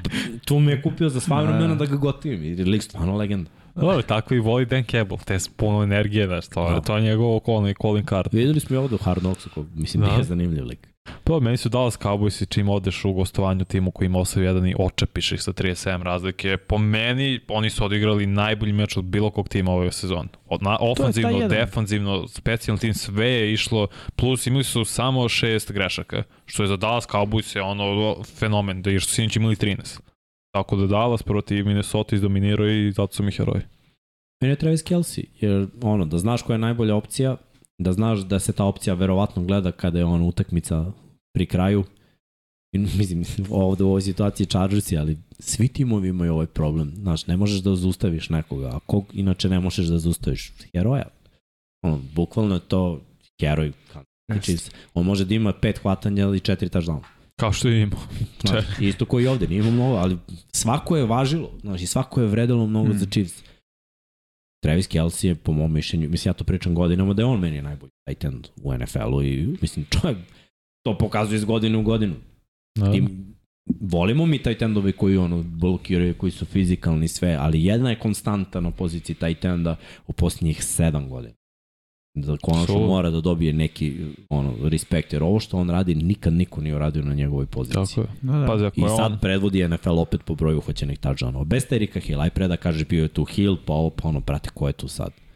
Nema, realno, i, ali to je zbog ovog čoveka ispod, koja ako je Kelsey, heroj Chiefsa, ovaj MVP lige ponovo, Patrick Mahomes, koji Um, dečko ne zaustavlja. igram, Jeste. igram. Bukvalno ništa ga ne dotiče na terenu, to je prelepo gledajte kako Patrick Prevodi- Mahomes igra. ligu po broju Touchdown. uh, touchdownova i po jardima ukupno i po jardima po utakmici. Sulud. I opet je ono prestigao Marina po, po broju utakmica sa 300. Ja mislim ono, rekordi su njegovi, samo je pitanje koliko će igrati, da li će uspeti sve dobro jer ima jedan ljudi. Da. Da. Da, uglavnom to je bio Srkijev. Nedelju. Ajmo da vidimo džokere. Moji džokeri su Chargersi, sad Vanja se uvek smeje kad izabere nekog ko je izgubio. Ali da nije bio džoker, ja nisam očekio Nisam ja, ja, 30, sam, ja, ja sam ponosan bio kako su igrali, Ja stvarno. sam stvarno, uh, za mene je Joker iznenađenje, neko, ko što, neko ko je uradio nešto dobro, to nisam video, ne mora nužno da pobedi. Chargersi su izgubili, ali su mi stvarno bili osveženje i nadam se da će od ove utakmice stvari da krenu na bolje za njih. Iako imaju probleme i Mike Williams neće igrati, sve to stoji. Da, Ali ono, uh, znači kad igraš protiv Kansas City Chiefsa i kad igraš na tri pojene izgubiš realno tesno. Mogu si da pobediš. poslednji potez izgu, se izgubio. Tako je. Marcus Johnson, čovjek koji je vratio pan za pobedu. Patriot. Jones, da, bukvalno ono, gleda meč uživo s najboljim drugom i vidiš ono, on je igrao, on je izabrao na runner poolu Jets. Ja sam igrao Patriot i samo vidiš lepo i blok si sve, možda je bio jedan blok gde mogla bude žuta zastavica, ali ne bi oni stavili svakako i ono je čovjek bukvalno pobedu poslednje sekunde. Ja se spremam za taj meč i naletio na informaciju za njega da je 2019. bio izabran za dobio neku nagradu, ne znam kako se zove nagrada, ali kao most versatile player No. e, na koleđu, dva je imao a, čini mi se tri, u stvari kick-offa, vraćam za touchdown i dva panta vraćam za. U istoj Njegove, kad vidiš njegove čovječe. highlight-ove, tako počinju. Ja. sa, sa igrom specijalnog tima i opet u Bill Beliček i pogledaj igrača koji je on dovodio Edelman je doveden kao potrebe koji bi mogao da igra specijalni tim pa da se kali da igra Jesi, hvatača. jeste videli onaj review? kao punt returner, on uvek nađe nekoga ko može da igra, on Bill ceni jako igrača specijalnog Mm. tima koji mogu da, da, da daju doprinos. I je- godinama tu, Da, tako da. je. Ali baš za, za poziciju returnera, znaš, ono, iskopo je ovog momka bio u fazu. Ja, iskreno, da sam ofanzivni koordinator, dobro bi razmislio u nekim situacijama da njega ubacim kao beka koji može nešto da uredi. Naročito kada se Damien Harris povredio juče, oni nemaju uopšte igra, to je gadget player. To, to je igrač koji, mo, Jeste, koji može da mislim uradi na nešto. NFL nivou to nije baš izvodljivo. Ali uh, ko, rotirao je Bill uh, returnere, baš punt Da, returnere. jeste. Bryant je vraćao jedno vreme. Počeo je Jones, pa je bio Bryant i onda je Jones opet na kraju bio. Pazi, si video isečak iz Football Life Edelmana? Da, da. Kako mu objašnjava Bill za pana, to je bilo Mm. prelepo. Znaš koga sam, možemo da dodamo i kao ono, uh, dodatnog džokera, nismo Kaži. upisali, Cordell Patterson. Corderale, da, vratio deveti kick-off return je. u svojoj karijeri, postao je apsolutni rekord po broju vraćenih kick-off returnova, sad ću mnogi reći o Devin Hester. Devin Hester kick-off return i punt return. Da. Ali ako gledamo samo kick-off return, tu je sa devet rekorda. Koliko ima preko Patterson. 100 yardi tih? 6, 7 i to drži Da, rekord. da, da. Svi ostali imaju 3, znači Da, ne, da. suludo. be. Pa gledaj, samim tim što su ova pravila koja su trenutno, gde nema već bloka, koji je mnogo pomagao na kick-off returnu, to mogu ti kažem. Ono, kad vidiš trojicu, četvoricu da se drže za ruke i, ono, i razgrći ispred tebe, tvoj zadatak je ono, jedan cutback. Sad je svaki blok jedan na jedan i ono, moraš baš da prođeš, da, da se sve podesi, da, da kreneš i uglavnom je najbolje kad vraćaš da kreneš kroz sredinu, pa da imaš ono jedan cutback autu. Biti 6-4 sa 105 kila i vratiti 9 kick-off returnova za touchdown, Evo govori da si ti, ja, znate koliko ja volim Cordell Da, da, da. Pattersona, brate, on je stvarno čudo čovjek. Mora Ja sumnjam da će se ikada desiti da neko vrati 9. Mada ima igrača koji ono, rade dobar posao kao kick-off uh, returneri. Mi smo baš imali eto šansu da vidimo da vidimo ovaj jedan.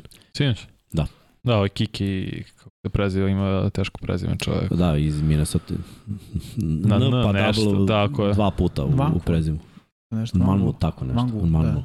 da. Da, bukvalno. I on je Ako skoro ono, grešim, opro, oprostite, još Da. treba vremena da, da ovog momka zapamtimo. Moje Jimmy G. Teo sam da, da stavim Demarcusa Robinson jer imamo 9 od 9 od 30 yardi, to je za respekt. Ali onda Jimmy G odigrao utakmicu, a svi znaju koji sam ja kritičar Jimmy G-a. Nije grešio, mislim, bacio četiri touchdowna, nije izgubio ni jednu loptu, otišao u Mexico City i kupio je publiku. Ono je pokazao da ako ima ove playmakere, znaš šta, sve su mu dali na tacu. Prošle godine je možda bila situacija, running backovi su se povređivali, pa ono, naviko je na Mosterta, pa sad nema Mosterta, pa je Wilson, pa se Wilson povredio, pa je pojavio se Mitchell koji je ruki, pa pa ono. Dobio si Kristijana McCaffrey-a, druži koji ima ono 100 yardi svaku utakmicu. Može da ima 2000 yardi skrimidža kad poželi. Imaš Dibo Samuela koji pravi čuda. Tvoji hvatači imaju yard za catch uvek. Znači, samo treba da im staviš loptu u ruke. I on je to radio na ovoj utakmici. Možda jeste protiv Arizona koja je protivnik, ali San Francisco imao 4-0 u diviziji, Jimmy G 4 touchdowna i najbolja utakmica da sam ga ja gledao bukvalno bez greške i odigrao meč. Bravo Jimmy. Ko zna, možda, Hvala. možda dobije, ej, možda, možda dobije ako oni odu daleko u playoff i neki ono respekt, Nema, njegova- priznanje i da ostane kube. Priča je Misliš? super. Pa, mislim, vidi, njegova priča je super. Uh, pogotovo ove sezone. Na, veruj mi, koliko god se činilo, nije lako. Ti si na početku benchovan i poslata je poruka, ovaj momak igra, ti si čao. Ti si na trade bloku, znači ti si prošlost, on je budućnost. Ti budućnost se povredi. Ti budućnost se I vratiš se Ja sam, ne, Jimmy, ovaj, šta radiš za vikend? Treba nam kube. Može Pazi, da- on ne bude, on, vidiš, njegov mindset nije nikakvo, ne znam ja sa šta. Čovjek je Zrela došao i osoba. preuzeo No. tim i kao zonu, ej, pozvali ste me, odgovaram na taj poziv. Dobro, on je igrao ono što si rekao with house money. Dobro. Mislim, realno, on je sad sebi... Prihvatio, lago. prihvatio manji ugovor, znaš, Nije sve su radio, lako, brate. Ne, ali on je sebi- se na sebe, brate. Jeste. On je sebi obezbedio ugovor za sledeću godinu. Šta god bude uradio do kraja sada. Detroit je tu. Jes, ba, mislim, Karolina je tu. Mislim, tamo Da, je i trebao da bude da. što je najluđe. I nije, sreća za njega. Ima nekoliko timova da on može da ono, dobije lepu kintu da bi igrao kao starter, ako ga ne želi San Francisco. Da. Znači ono, a San Francisco su obezbedio za eventualni trade, znači da dobiju nešto, jer je on na dve godine potpisao ugovore, tako? Nije, mislim da je slobodno agent nakon ovoga. Ti siguran? Nisam siguran. Aj pobaci pogled, Jimmy ili kogod. Mislim da, Da, mislim da, da je obnovio ugovor, da uzeo manje pare i da je Uh, potpisao na dve. Nisam siguran, ali Macić... Možda grešim, sad ćemo da vidimo. Ali do tada Srkev je Dalton koji je eto, crvena puška nekad i puca korektno, mislim, izdominirao je 21 od 25, Jeste, rekao da. si koliko tri touchdowna, 260 yardi. Gledaj, Bio s vremena na vreme Andy Dalton odigra vrhunski. Žao mi je zbog Winstona i to je ona priča što često se u NFL-u dešava kao ne možeš zbog povrede da izgubiš mesto. Zapravo možeš.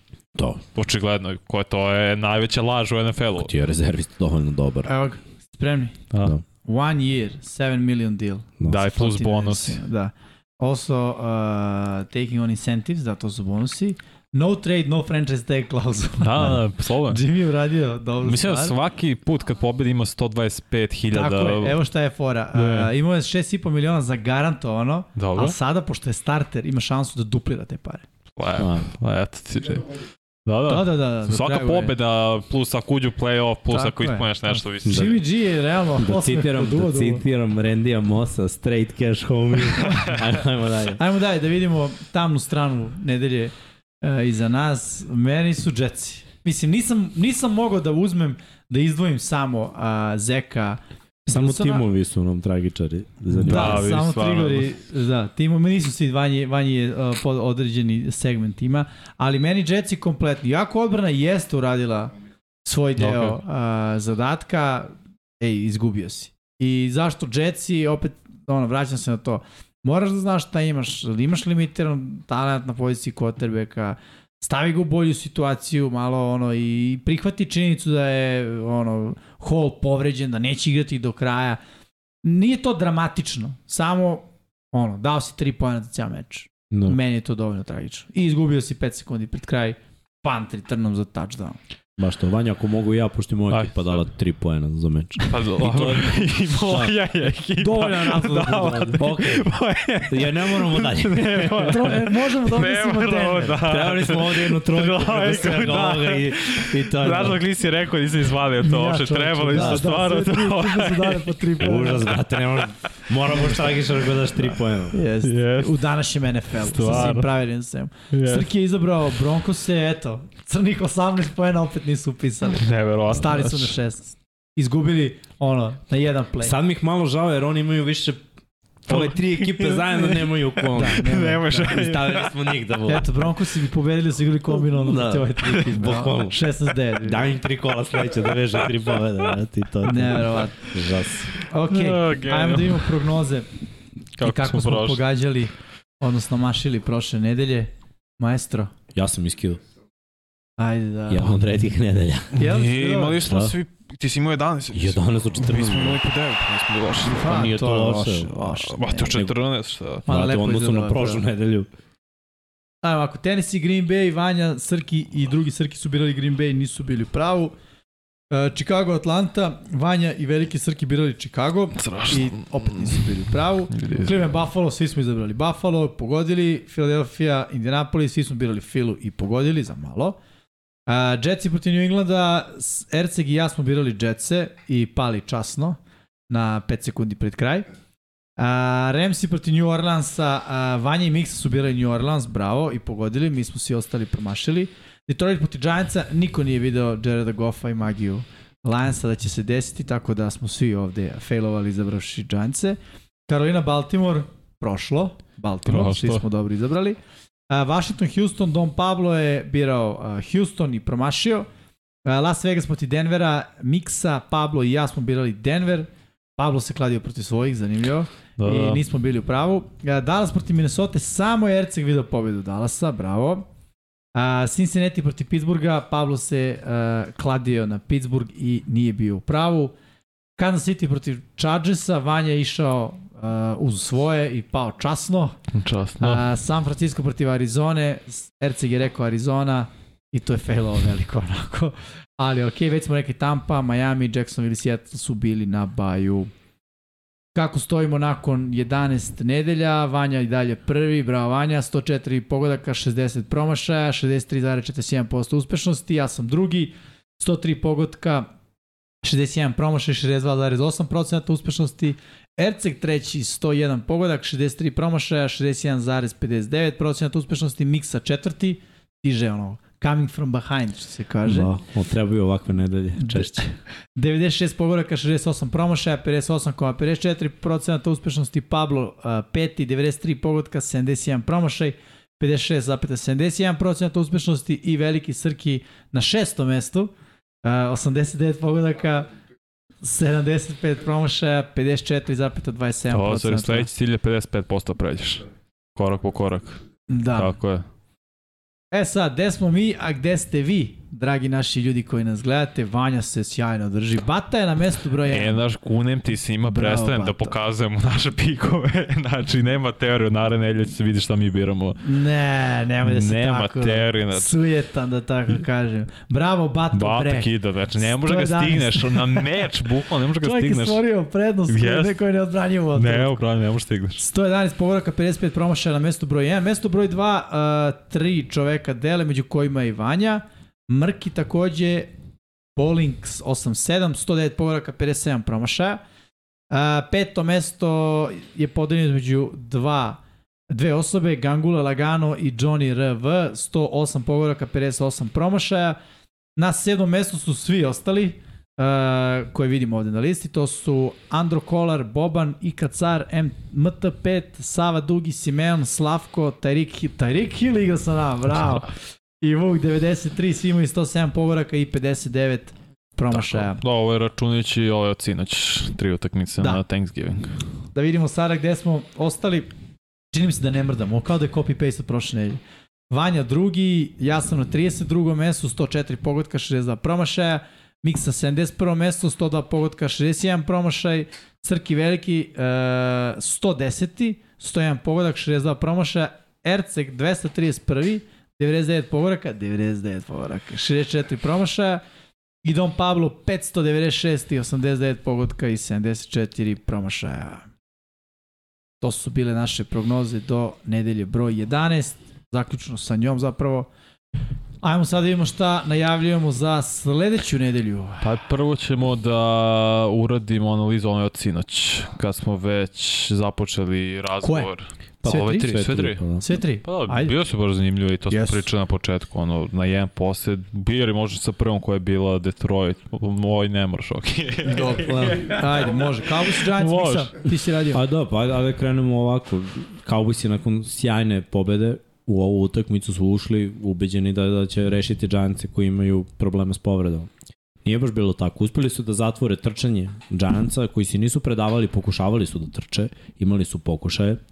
Daniel Jones je imao, da kažemo, solidna dodavanja i opet moram da napomenem da su sudije malo bilo na strani Dallas Cowboysa u nekim situacijama i, i, i da ono, Giantsi baš nisu imali sreće, ali egzekucija u krucijalnim momentima je bila slabija. Giantsi su vodili na polovremenu, Mm. imali su 13-6 i bukvalno je tu njihova igra stala. 37. 3-13-7, da, ali, znaš, ono, igra im je stala. Si osetio u nekom momentu da kao, Znaš u kom momentu da sam su, osetio? da su Cowboysi drugo- u problemu? na, na Da, da, sve vreme u prvom polovremenu. Jer su mislili, nakon prve četvrtine, ne. Druga Mhm. četvrtina odustajanja od trčanja, rekao, imali su 83 jarde u prvoj četvrtini i 10 jardi u drugoj. I onda odjednom pogledam drugu četvrtinu gde Dallas je izgubljen, Giants imaju šansu da naprave razliku i, i ne prave tu razliku. I onda dolazimo do ove treće četvrtine, gde Giantsi mogu da ostanu u utakmici i sve to, Dallas izlazi rešen, Prescott je bacio interseptione, pravio greške, imali su ono, po meni, glup game plan i forsiranje previše CD Lemba u nekim situacijama. I odjednom je nekako Dallas krenuo da igra sigurnije, opuštenije, kao da je neko na polovremenu rekao, e ljudi, ajde, ono, ajde igramo naš futbol, da ne preterujemo, da ne forsiramo ništa. I oni su se vratili na trčanje, kombinovanjem bekova i dobrim dodavanjem. Giantsi su imali taj jedan posjed, četvrti pokušaj, rizik, vrhunski play calling, running back izlazi u flat, sam kao duh, Danny Dimes daje loptu iza. Limitacije. Uhvatljiva lopta. Ali Saquon Barkley je video ono, ono što je moglo da se vidi kad se trči flat i perifernim vidom znaš gde su defanzivci. Nikog nije bilo u flatu. U sredini terena, bukvalno tu negde u liniji sa teklom, je bio Van Der Esch. Znači on je već po defaultu 10 yardi daleko, a znamo šta radi Saquon Barkley s loptom u otvoru. Ja verujem da je on želeo da uhvati tu loptu i da ne okrene kukove da padne, nego da je uhvati da se vrati na ovu stranu, a, lopta mu ide iza leđa. Loš pas je bio, mislim. Realno, kako? Jeste, ali to je vrhunski igrač i vrhunski hvatač iz Ne, bekova. ukrivim njega što je ovaj stavio loše stvarno. krivim Daniela, Pa, pa, krivim. razumeš mnogo, ali moraš da znaš da ne gledaš da igraš četvrti je down. Super je ako ti da loptu kako treba da daš touchdown. I to bi promenilo utakmicu skroz, ali to je Danny Dimes. Opet, ti mora da budeš svestan da je četvrti down i da ne smeš da ideš dalje nogama, već ako je lopta pozadi, da daš fokus i da otvoriš kukove, to se vežba. Mi imamo kao skill, line drill, gde hvataš prvo loptu kako treba, pa loptu mm -hmm. sa strane, pa onda back shoulder. Gde vežbaš da okreneš kukove i ono, da, tu je kraj. Ako tu padaš, tu je kraj. Mislim da, da je taj turnover on downs, Dallas pop touchdown, dobili su tri puta prekršaje koji su im produžavali njihove drive-ove da daju touchdown na kraju, kao i isto. Kad su napravili dva poseda, ja sam rekao, to je to. Giantsi su imali svoje šanse, koliko su ih imali i, i to bi bilo to od njih. Treba pohvaliti ovde Dallas, jer je posao rešen. Rešen je u drugom polovremenu, napravljen je na adjustment, trčali su tri četvrtine od četiri, mislim i to je okej. Okay. Moraju da se probude za bolje ekipe i da rade to četiri četvrtine. Jer ih čeka playoff. Oni moraju budu svesni da ih čeka playoff. Ako ovako budu igrali protiv tipa 49ers ili neke ozbiljne ekipe, to će biti Biće ono, teško. Kažem, E, ne, ne mogu, ovo su rešili Giantse koji imaju probleme s povredom. Pa ovo, da okej, okay, i rekao si secondary Giantsa nije igrao i ovo je uspeh za Giants u smislu 7-4 imaš. Niko Jeste. nije mislio da će stvarno Giants imati za posle 11 kola 7-4. I igraš ono, tekme na posed, znaš. Da, da. Konkurentan si, znaš, izgubio si od Detroita, verovatno si ti njih pocenio. Misleći ono, to je Detroit, rešit ćemo. Da. Nisi rešio, ali protiv Dallasa si izašao na Bio si. teren sa kojim god postavom si izašao i pokazao si, neće ovo biti lako. O- Ono što ja negdje primećujem za Giants je da je problem, uh, osim Saquona Barkley, nedostatak uh, igrača koji će da eksplodira. Uh, ako se Saquon Barkley zatvori, a zatvoren je bio ovde, niko nije bio ono... Nema playmakera. Nema playmakera. Uh, možemo još jednu statistiku da vidimo. Mislim da niko nije prebacio 80 Nije, yardi individualno. Mm -mm. Ne, delio je, Evo, 63 Slayton iz tri hvatanja. I on- ali jedno je bilo ono big play od Da. 50 yardi. Da, da, da, ali, znaš, ja, ono, ja, mučenje, znaš, i- i Mučenje, Deni jest. tako i dodaje loptu Jest. i ono, koristili su te rupe u zoni koje su im dali Cowboysi, nisu osvajali mnogo yardi i znaš šta, njihovo ovo, očinički poziv je od Dela Beckhama da se vrati u, u New York Neće. da zaigra za Giantse, postoje s razlogom. Znači, njima treba taj playmaker. Mislim da je njima iznenađenje ova sezona i opet Dable je već bio u toj situaciji sa Billsima koji su ušli u playoff prve godine i izašli iz playoffa jer im nisu imali pravo hvatača. Imali su Kola Bizlija kao najbolju hvatačku opciju.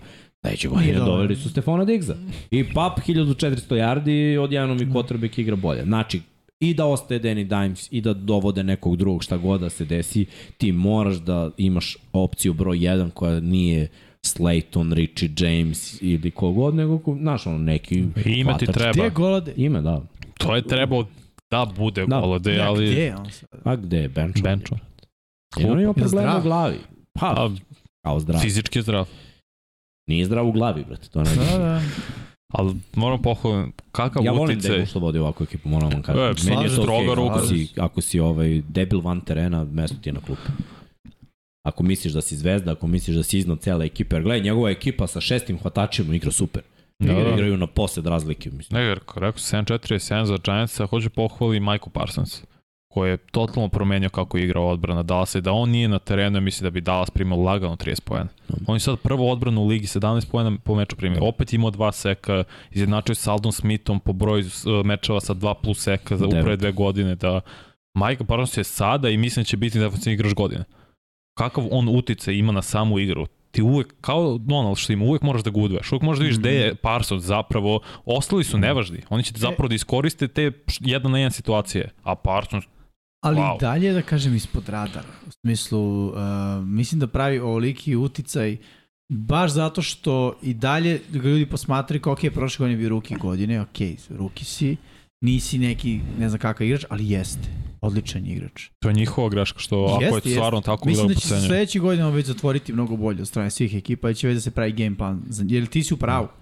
Znaš, još ga niko nije neutralisao u potpunosti. Ono, Green Bay ih je kecao na trčanja široko. Ali videli smo da je to Minnesota probala prošle nedelje, ni, Da. nije se desilo. Mislim, sve pohvali za Dallas tu isto. Što znaš, nije ono kao, e, ona me slabo i to ne može da ustavim. Ne, bilo je slabo jedan meč. Ustavili smo nakon toga. Mm. To je to. Ćemo da imamo Super, drugi. da, može da. Ovde je bilo lepo, neizvesno i na kraju Dallas odnao pobedu. I približio se Philly Da. i došao na drugo mesto u diviziji. Ovo je bilo za drugo mesto u diviziji i očistili su Giants ove sezone. Da, da. 2-0 imaju. A opet tekme na posle. Ajmo da imamo naredni meč. Odnosno, ovo je onaj prvi koji si igrao u 18.30. Bil si protiv Lionsa. Uh, ja i Ercik smo radili ovaj meč. Mislim, priča Billsa se nastavlja. Ono. Forsira je Alena. Pa, Previše ono, herojski. pokojnik ili pukovnik, bukvalno. I ne, ne razumem, da budem iskren, baš uh, šta će to da im donese. Možda Ponovo, nisi obio glavu. ponovo presečan loptu u end zoni. To je neverovatno, Da. da. poslednjih koliko, 5-6 utakmica, ali ima presečan loptu u end zoni. Znači ti mi, Previše forsiraju minimalno pokušaje. 3 poena sebi oduzimaš. Ne kažemo 6-7, minimalno 3. Ali znaš zašto? To je zato što veruju da će se uvek vratiti u meč. I ove godine se nisu vratili u meč fazom dva puta. Preveliko samopouzdanje. Bili si od tolike ove pompe medijske da su oni favoriti broj 1. Svi ih stavljaju da su favoriti broj 1 za osvajanje Superbola. Oni se ponašaju kao da su osvojili Superbol. I gledaj, neće im se to biti u toku regularnog dela o glavu, jer nebitan je regularni deo, ući će u playoff, bit će prvaci. Mislim i da uđu u playoff kako god. Oni ulaze u fazonu, mi osvajamo Super Bowl, gde god da se nađemo, ono, pre te prve utakmice u play-offu. Ali u play-offu je najopasnije da misliš to je to ono, kao Super Bowl. Play-offu je Da najopasnije misliš da, Super Bowl Super umesto, Bowlu. tako, je, umesto toj utakmici koju igraš. Povrede ih polako stižu. Von Miller nije pokidao ligamente, zapravo je koleno. Ja sam prvo mislio da je zglob. Kad sam Da. vidio usporni snimak, on kaže da je koleno, da. Da. propustit će sigurno dve, tri, možda i četiri utakmice da bi bio spreman za playoff. Ed Oliver je pokidao zato. Zato što ovaj nije bio to, opet se ustiže i povredi njih. Vratio se Tredevius White. Da. Malo po malo, znaš, ali opet sve se svodi kod Bills po mom nekom razmišljenju na Josh Allen. To ti je ono centralna figura, i ono, to, tako Jeste. napadaš. Sve ti se svodi, trčanje ti se svodi na Josh Allen, koji uglavnom ima najviše pokušaja. On, on je isti, ono, toliko kriti... Josh Allen samo dobro dodaje, ali trčanjem je važan za Bills kao Lamar za Ravens. Da. Samo dodaje bolje. I, i ima i više yardi, ali nesigurnije igra. E, ali i jedna stvar koja je sinoć bila primetna su igrači Buffalo Billsa bili ono potpuno premoreni.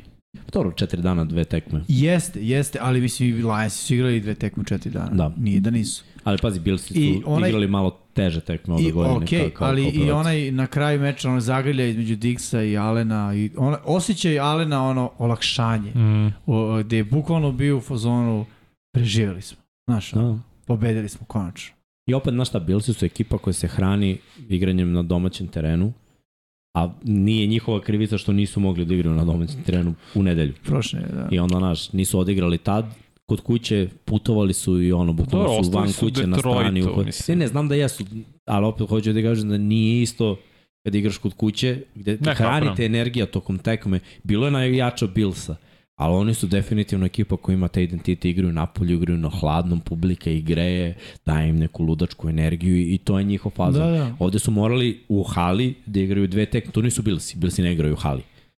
Znaš, ono, taj futbal, oni mogu da igraju, ali to nije njihov identitet. Njihov identitet je drugi dođu kod nas i smrznu se. Razumeš? Bukvalno. A mi možemo i da trčimo i da bacamo, imamo kotrbeka koji Sub-zero. baca na ono 80 na sad. To je njihov fazan. Da. I, I tačno vidiš da su ispijeni ovim i rasporedom i jačinom utakmica i povredama sad i imaju 10 emotivno i sve. da odmore. I još su izgubili, pazi, od Minnesota ono pre. Znači sve je Pa krenulo nekako da, da ih cedi, da ih cedi, da ih cedi. Mhm. I sad, sad će da se iskuliraju ovih 10 dana. I kao i prošle godine imali su taj središnji period Mhm. loš. Pravi je trenutak da, da, da se okrene i da se vrati. Ali brine to forsiranje. Forsiranje je prava reč. Ja mislim da forsiranje u svemu. Oni u svemu Da. forsiraju. A Lionsi su mogli da pobede. Da, Nije bez da problema. Bez problema. Mogli su da pobede i ne je bilo nezasluženo uopšte, ne je bilo Pa Bežli iznenađujuće. omašio onaj field goal s 29 Da. yardi, mislim. Da. Mislim, ono, ono, već smo spomenuli priču Lionsa. Treba im malo jači talent na poziciji kotrek, neko ko će, kao što si rekao, da učini resivere boljim nego što jesu. Resiveri su već dobri, ali ono, postoji sistem, postoji a, neka kultura koja sad već je ono, naš, znamo da su Lionsi sve ono što je Dan Campbell rekao kad je postao trener, ono, ej, znači ono, ako padnemo na kolena, odgrišćemo ti ovaj, čašice, na- znači igra, tu smo, dok, dok ima snage u nama, borimo stvarno igraju takav futbol. Pa trebalo Nema bi da da ostane onda trener i sledeće godine. Ja Ja mislim verujem da bi hoće. trebalo, da. Naročito ovakvim utakmicama, znaš, protiv vrhunskih ekipa gde Tu ti, ti, ti budeš tu, to govori da radiš to nekakav posao, ali da nešto fali. Da. E sad, Da. mene opet, spomenuo sam to jednom pre par dana, ne bi ni iznenadio da ga katuju, da dođe neko i da taj neko napravi ludački uspeh. Da. Zapravo sve njegovom zaslugom. Da, Tako da, uh, koliko budu bili strpljivi, a ja bih volao da vidim da se to desi Pa da zašto sledeće ja mislim da promene. neće, zato što je on već katovao neke članove svog stručnog štaba. Mislim da je to bio ultima. Ti promeni nešto, inače i ti ideš. Mm. On je verovatno bio u fazonu, ok, otpustiti, mislim ono, sa ono, mukom ću otpustiti ovog ili onog, ali to radim da bi tim bio bolji. Znaš, ne, Da. neko je možda dobar čovek, dobar trener, ali nije se uklopio tu. I opet i ta njegova odluka je urodila plodom, jer su dobili Giantse i odigrali vrhunski protiv Billsa. I opet se sve razvija i čeka. Mm. Mislim da, da mora jo, još malo da poradi na stručnom štabu oko sebe. Dobro mu je bila ideja, bivši igrači, ono, dobri igrači, uh, respektabilni na razno raznim pozicijama, ali nema nula. iskustvo. Tako. Znaš, on je izabrao dobre igrače koji su igrali. Ali Da. jedno je biti dobar igrač, drugo je biti dobar igrač i biti vrhunski trener, dobar trener. Ti, ti kao dobar igrač, neka evo Singletary, kakav je bio igračina na, na poziciji linebackera, nije se pronašao kod trener. Da, da. Jer je standarde postavio vanzemaljske za, za ekipu. Da. da. I bukvalno smo rekli, izvini, ono, jesi vrhunski igrač, ali to što ti zahtevaš je kao psiholog, to ne može da Nije ustane. realno. I ono što će pomoći posle stvar hvatačima, kad bude krenuo da igra Jameson Williams, koliko će to da olakša i St. Brownu i Reynoldsu, jer to je vertikalna pretnja. Njegova brzina, to je kao Vadel brzina. Mm, To će da otvori i safety i mnogo će svima biti lakše. Mislim, Goff to neće umeti da iskoristi, ali neće biti Goff. E, ne mora da znači. Da. Ne bih ja odmah rekao da Goff to neće umeti da iskoristi. Ne, ne znam da će krenuti ove baci godine da igra. veruj mi. Ne, ne, znam. Svakome da baci dugačku loptu. Mm. Ovaj, u- Samo ne znam da li će igrati ove godine ili će pozirati cele pa će od naredne, zato što se povredio u januaru i pokidao ligamente, sad bi kao trebao se vratiti, ali mislim da ga neće forsirati, da će tek od sledeće godine zapravo i krenuti da igra NFL. Okay, ajmo dalje. na poslednji meč koji se odigrao uh, sinoć. I ovde tek suđenje bilo na strani Minnesota. Baš je bilo nekih situacija koje su ono kriminal. Znaš šta je, opet ima nekih pravila koji su meni ono tol, toliko ajde da ne lajem, ali ovaj Imaš puno da, pravo. za malo. Ovaj, pazi, bilo je situacija gde, gde New England baš osjeća. Ono hvatanje, to, to nije to. To nije toliko sporna situacija. Videli smo na kraju šta se desilo. Ali tu i tamo neki holding ili onih, onih 15 yardi kazne za udaranje Tilena koji mislim Klizi dobija loptu, udarac se ramenom. I Tilen onda staje sledeći play i igra. Znaš ono, ako je bio defenses, ako ga je povredio taj udarac, onda, znaš, bar treba bude pravilo da on ne može da igra sledeći play. Ako je ekipa dobila 15 yardi kazne i ono novi prvi down, jer je udarac bio, ono, kažeš, nelegalan, opasan, a nije bio opasan, jer ono, ti ja bar znamo, bili smo u tim situacijama. Mm. O, udarac u shoulder pad s leđa, shoulder padom, mislim, ono, bio je nezgodan jer ga nije očekivao, ali Mm. to, to je bezazlen udarac, nije, nije ništa strašno. To je jedna od situacija. Opet New England je imao dobre napade, u crvenoj zoni su pokazali šta je njihov najveći problem.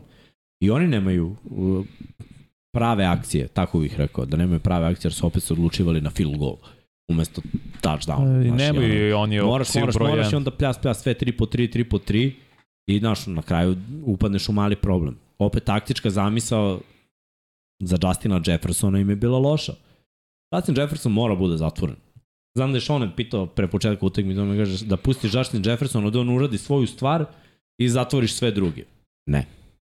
Zatvoriš Justina Vidiš Jeffersona. što je uradio Dallas. Ovo puta kad igra protiv Dallasa, Justin Jefferson protiv zatvoren. File. Mm -hmm. Probaš, znaš, ako, mislim, jako je teško ono, sa jednim čovekom zatvoriti Justina Jeffersona. Probaš dva igrača da ga zatvori. To je najbolji način da neutrališeš Minnesota, jer on hvata najviše prvih downova. I on kad uhvati prvi down, cela, ceo napad dobije ono ogromnu energiju. Znaš, idemo dalje. I trčanje 2 jarda, drugi down možda neke kraće dodavanje ili možda opet trčanje i treći down Justin Jefferson, pap, novi prvi down, ti si odmah pun energije, odbrana je već u fazonu, brate, one of these days. Znaš ono, kao kad Justin Jefferson dominira. To se desilo sinoć. On je hvatao kako je hteo. Hvatao u double coverage Hvatao u triple coverage. E, ali ono gde su uh, Vikingsi apsolutno porazili uh, Patriots je bilo trčanje. Dobili su ih njihovom igru. Da li Cook je imao baš dosta pokušaja. Ali Mislim, uh, Dva jarda ponošenja. ne, ne, okej, ne, ne pričamo o tome koliko je bio produktivan, nego koliko su bili spremni da igraju balanse na futbol. Jesu. Respekt odmah O'Connellu za to. Jer ne da nije išlo, nego baš nije išlo. I ti si forsirao da bi Da. trošio vreme. Da. Da bi trošio vreme da bi uspostavljio igru. Dalvin Cook je više trčao do linije skrimidža sad nego u celoj karijeri. Dobro, teško je protiv odbrane Englanda. Ono što je bio, bila najveća mana New Englanda na, na ovoj utakmici je nesposobnost da dođu do Kirka Kazansa dovoljno puta. Bio je, znači Kirk je bacao glupave lopte, bacao lopte na pamet, grešio je, ali jedan sek je bio, ono, u većem, bukvalno prošlo tri četvrtine, Kirk Kazan sekovan jedno. I ofenzivna linija uz pomoć Dalvina Kuka i, i taj tendova je uspela nekako da zaštiti Kazansa da ta utakmica bude okej. S druge strane, Minnesota isto nije imala raš, nikakav. Da Darius Smith nije postojao na utakmici. Hunter isto. Ja mislim da su se pojavili samo ono na kraju, kad- je bio ono Mac Jones previše držao Mm. loptu, ali tek do četvrt, tek u četvrtoj četvrtini, kad je bilo najbitnije. New, New England je odradio ovde dobar posao. Pa jesno, Mada da, bez Demijana Harrisa i sa Mekom koji razmišlja i Bilom koji ne veruje ni u Meka, ni u hvatače, ni u koga, bukvalno bilo je problema. E, pazi, on nije u prvoj četvrtini zvao ni jednu loptu za Devonta Parkera. Kad mu je dao sledeće tri lopte, tri prva downa, pomeraju se lanci. I Devonte Parker je to radio na nekoliko utakmica ovde. Znači, play caller mora da zna ko su sposobni a playmakeri. to je problem što je play caller Stefan, Matt Patricia, da. tako je. On je bio na ovoj utakmici play caller. O, I- Matt Patricia slash Joe Judge. Kad, kad je krenuo da zove akcije za neke igrače, video si da, ok, ovaj napad New Englanda može da pomere yard. I onda opet odustaje od njih i opet ide u nekom drugom smeru. Znaš, bilo mi je malo čudno. I ovo, ja mislim da je prelomilo utakmicu. 6 sekundi do kraja poluvremena i šutneš field goal. Sigurno, sigurno su imali vremena za još jednu akciju. Tu mislim da, da su napravili veliku grešku. Ali opet, šta mi ovo govori o New Englandu? Igrali su protiv Minnesota koja je nakon njenog poraza morala da odigra mnogo bolje i nisu se predali, znaš, odigrali su dobar meč protiv dobre ekipe, protiv jedne od boljih ekipa. Ovi specijalni tim New England na kraju popusti, mislim Jeste, na kraju. trebali su kick-off je. return za touchdown, to se To- ne dešava. Ne znam da li se desilo ikad New A. Englandu. Ali nisu imali outside contain. Slater koji to drži je ušao Mhm. i Dagger koji to drži je bio izblokiran. I tu je bio holding, by the way. I CJ Hamel, koji nije sviran. Da. Očigledno držao za dres da ovaj ne zapali do auta da drži contain. Ali okej, okay, to su, znaš, sudije uvek prave greške. Sad nekad ide na tvoju vodenicu, nekad ne, nekad karma, nekad... Sjeti se kad je Pittsburgh kad Jesse Jamesu poništen touchdown isto ovako kao Hunter Henryu. Da. Kad je New Da. England bio prvi seed i na kraju su, do, su došli do Superbola. Pittsburgh je izgubio, a da su dobili tu utakmicu, da je to bio touchdown, oni bi bili prvi seed, ne bi išli na Jacksonville. Da. Bilo bi malo drugačije. I to je ono, ja verujem da se sve vraća u životu. I mi, mislim da ono, za New England dali su punt return za touchdown da dobiju Jetse, dobili su kick-off return od Minnesota da izgubi. mislim, Da, teorija, jeste. da. manje, Ima manje smisla. više, ono, Da. tako to ide. Ali meni su Petrovici pokazali da ako se sklope kockice, oni mogu playoff. Mogu, mogu. I ne bi mi bilo ono, iznenađenje. 6-5 im je dovoljno Super zalihu za sad, da. Ok, ajmo sa ovim ostalim utakmicama koje najavljamo. Evo, konačno, Derbi. Bengalsi protiv Titansa. Jedan Miksa, derbi. si rekao da radiš ovaj meč? Evo ja radi loš? Chargers Ne, ovo je prvi Arizona. termin. Ovo je 19. Možda ti radiš. A, ne, ne, ne radim ja ovaj meč. Uh, ovaj meč se može čak Da, i... Vesić i ja mislim i Gaćeš da da? rade ovo. Da, ovo je da, na da, da, SK4. jest, jest. Zanimljiv duel. Žao mi što ne igra Mixon. I što... Miksa isto. Što... Miksa, brat moj. Da. što je Jamar upitan i pitanje koliko će biti spreman za taj meč i odmah vidim problem prosto ono tenis igra svoju igru, rekli smo to je ono do postignu 17 do 20 poena, limitiraju drugi tim na do bukvalno do 14 i tako poveđuju. A mogu Bengalsi da zaustave trčanje Mislim da Henrya? ne. Šta ti misliš, Miksa?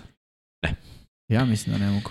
Ako budu uspeli u tome, onda play action i Tannehill sigurnost. To mi je ono upitno. Jer, a, glej, Henry nije igrao mnogo utakmica prethodne godine i mnogi pričaju, ok, falio je Henry u playoff. Henry super u playoff taj meč. On je imao touchdown i imao je 70, 80 yardi. To je okej. Što u suštini statistika kaže kad on ima 80 ili više, čini mi se da Titansi No. pobeđuju uglavnom. Problem je bio povezati. Oni su imali opet odbrana odradila posao, imali su dobro mesto. Tri intersepšona pravi ogromnu razliku. Znači, tri intersepšona su katastrofa za ekipu veća od 9 sekova na drugoj strani. Da. Tako se pokazalo i tako je bilo. Vrlo je važno za tenis i na ovoj utakmici da pokaže fizikaliju koju su već pokazivali ove godine. E može to opet defensivna linija da urade. A nije samo defanzivna linija, to je lepota u stvari u- u- ove odbrane Tennessee Titansa, što je ona konstruisana tako da i linebackeri i defanzivni bekovi učestvuju u tom pritisku ponekada. Da su smo šeme, David Long da Jr. igra da, mnogo David bolje. Long igra najbolju sezonu. Znaš, mm Mhm. -hmm. i svake godine se pojavi neko u toj odbrani Titansa kojeg smo mi nekako videli da nije faktor i on bude faktor i to ne da bude faktor, nego bude super igrač. Oni su nadomestili sve što im je falilo. Harold Landry je bio prošle godine kidač, ove godine se povredio, ne igra, ne osjeća se. Oni i dalje igraju agresivno. Znači šta im treba ofanzivno? Derrick Henry, play action, igrati tesnu utakmicu, igraju kod kuće, igraju bolje u Nashvilleu Da. nego na gostovanjima. Bengalsi bez Jamara Chase-a, no big play. Potencijalno. Da, pa Bez ja Mixona. sumnjam, ja sumnjam. Bez Miksona se Majđe Perain onako lakše za zaustavljanje, opet izmorit će se vremenom. A ključ je samo da Tannehill ne daje glu, No. da ima ni glupe izgubljene lopte. Samo budi siguran, nemoj ništa pretrano da ne tražimo od tebe da budeš wow, I Buro dosta greši ove godine isto, jer je Ima. mnogo sekovan, već se vidi i njemu frustracija, znaš. U tim nekim situacijama kad je bio Jamar Chase, on da izbegne sek, baci njemu na poverenje, jer zna kako ovaj diše, zna gde će da bude. Za svaku rutu on zna njegove korake i gde će Zna, da ali bude. sada i odbrane znaju, to ono, imaju sad tape od prošle godine. Drugačije. Zna- I nema Jamara Chase-a, znaš, i to je problem. Ti se oslanjaš na Haydena Hrsta, Tylera Boyda, znaš, Higginsa, Higginsa, da. da, da, da oni rade posao, a ipak fali Jamar Chase. Ja mislim da je Tennessee ovde favorit zbog svog načina igranja futbola, igraju kod kuće, to, to je isto sad prednost. Plus ovo može da bude vrlo lako playoff meč. Titansi su besni sigurno na Bengals, jer ti kao prvi seed kod kuće izgubiš od Bengalsa koji odu u Super Bowl, a ti ne odeš. Znaš, mo mora da postoji neka želja za osvetu u koju ja verujem baš. Tako da bi moglo da se desi da, da, da Titansi ovde reše. Ako Bengalsi pobede, oni sa 7-4, koliko će imati Titansi, već imaju mnogo bolje šanse da, da Mnogo urade bolje nešto. šanse. Ok, u diviziji su katastrofa, tek prvi meč su dobili protiv Steelersa sada, pre toga su izgubili. Sve što su igrali u diviziji, imali su 0-3 u diviziji.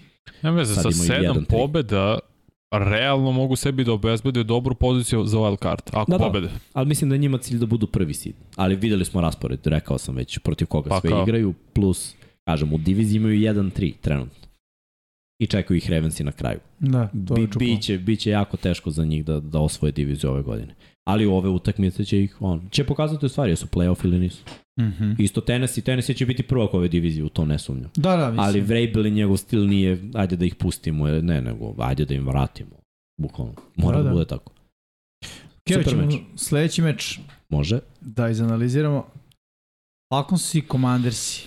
Sad, zašto ovaj card. meč? Zato E, znaš da sam izbrao stvarno malo mečeva, jer svi su ti mečevi onako nešto nalik Ova tri ovome. juče su bila pa, pa realno. baš zato, da to ima... ne bismo izdvojili Buffalo i, i De- Detroit, Da, da, ali- se ne igra u nedelju, Tako da se je, igra u nedelju, je. ali ova druga dva... Pa ima bi- te tri Thursday night, imamo još, pored ove još jedno, to je šest utakmica. Mislim, svi su utakmice na više nalik ovo. Ja ovo sam izdvojio zato što je direktno utiče na playoff. Tako je, tako je. Wild card. Bo, borba, pogotovo za Falconse, borba za čak poziciju broj 1. Ako, izjedna, ako pobediš Washington, izjednačiš se, plus ti si u direktnom okušaju njih dobije, imaš prednost. Ako imate isti broj pobeda na kraju. Da. A za Commanders sa druge strane 7 pobjeda, le, lepo je imati 7 pobjeda Jest. nakon 12 nedelja. Koliko su vezali? Pet za redom? Ili četiri? Ne, iz, mislim da su 4. Jel da? Mislim da su jedno Opet, izgubili. gde si mogao Već, kaže da će. Washington da ima četiri pobede za redom u nekom momentu. Pa, re- krenuli su da rešavaju naš neke stvari. Opet ekipa je opet stala uz Heineke. I ovo je za njih, imaju načina kako da dobiju, jer su fizikalniji od Falcons. Mnogo. I ako nastave da igraju ovaj futbol koji su igrali, pazi, dobili su Filu koja je najbolji tim i ove druge timove koje su rešili. Rešavali su zahvaljujući do, tandemu running backova, bez nekog preterivanja. Mm. -hmm. Što je Jimmy rekao mnogo puta. Ti sa Vencom misliš da imaš nešto što nemaš, Heineken znaš šta imaš, a kad znaš šta imaš, opasna si ekipa.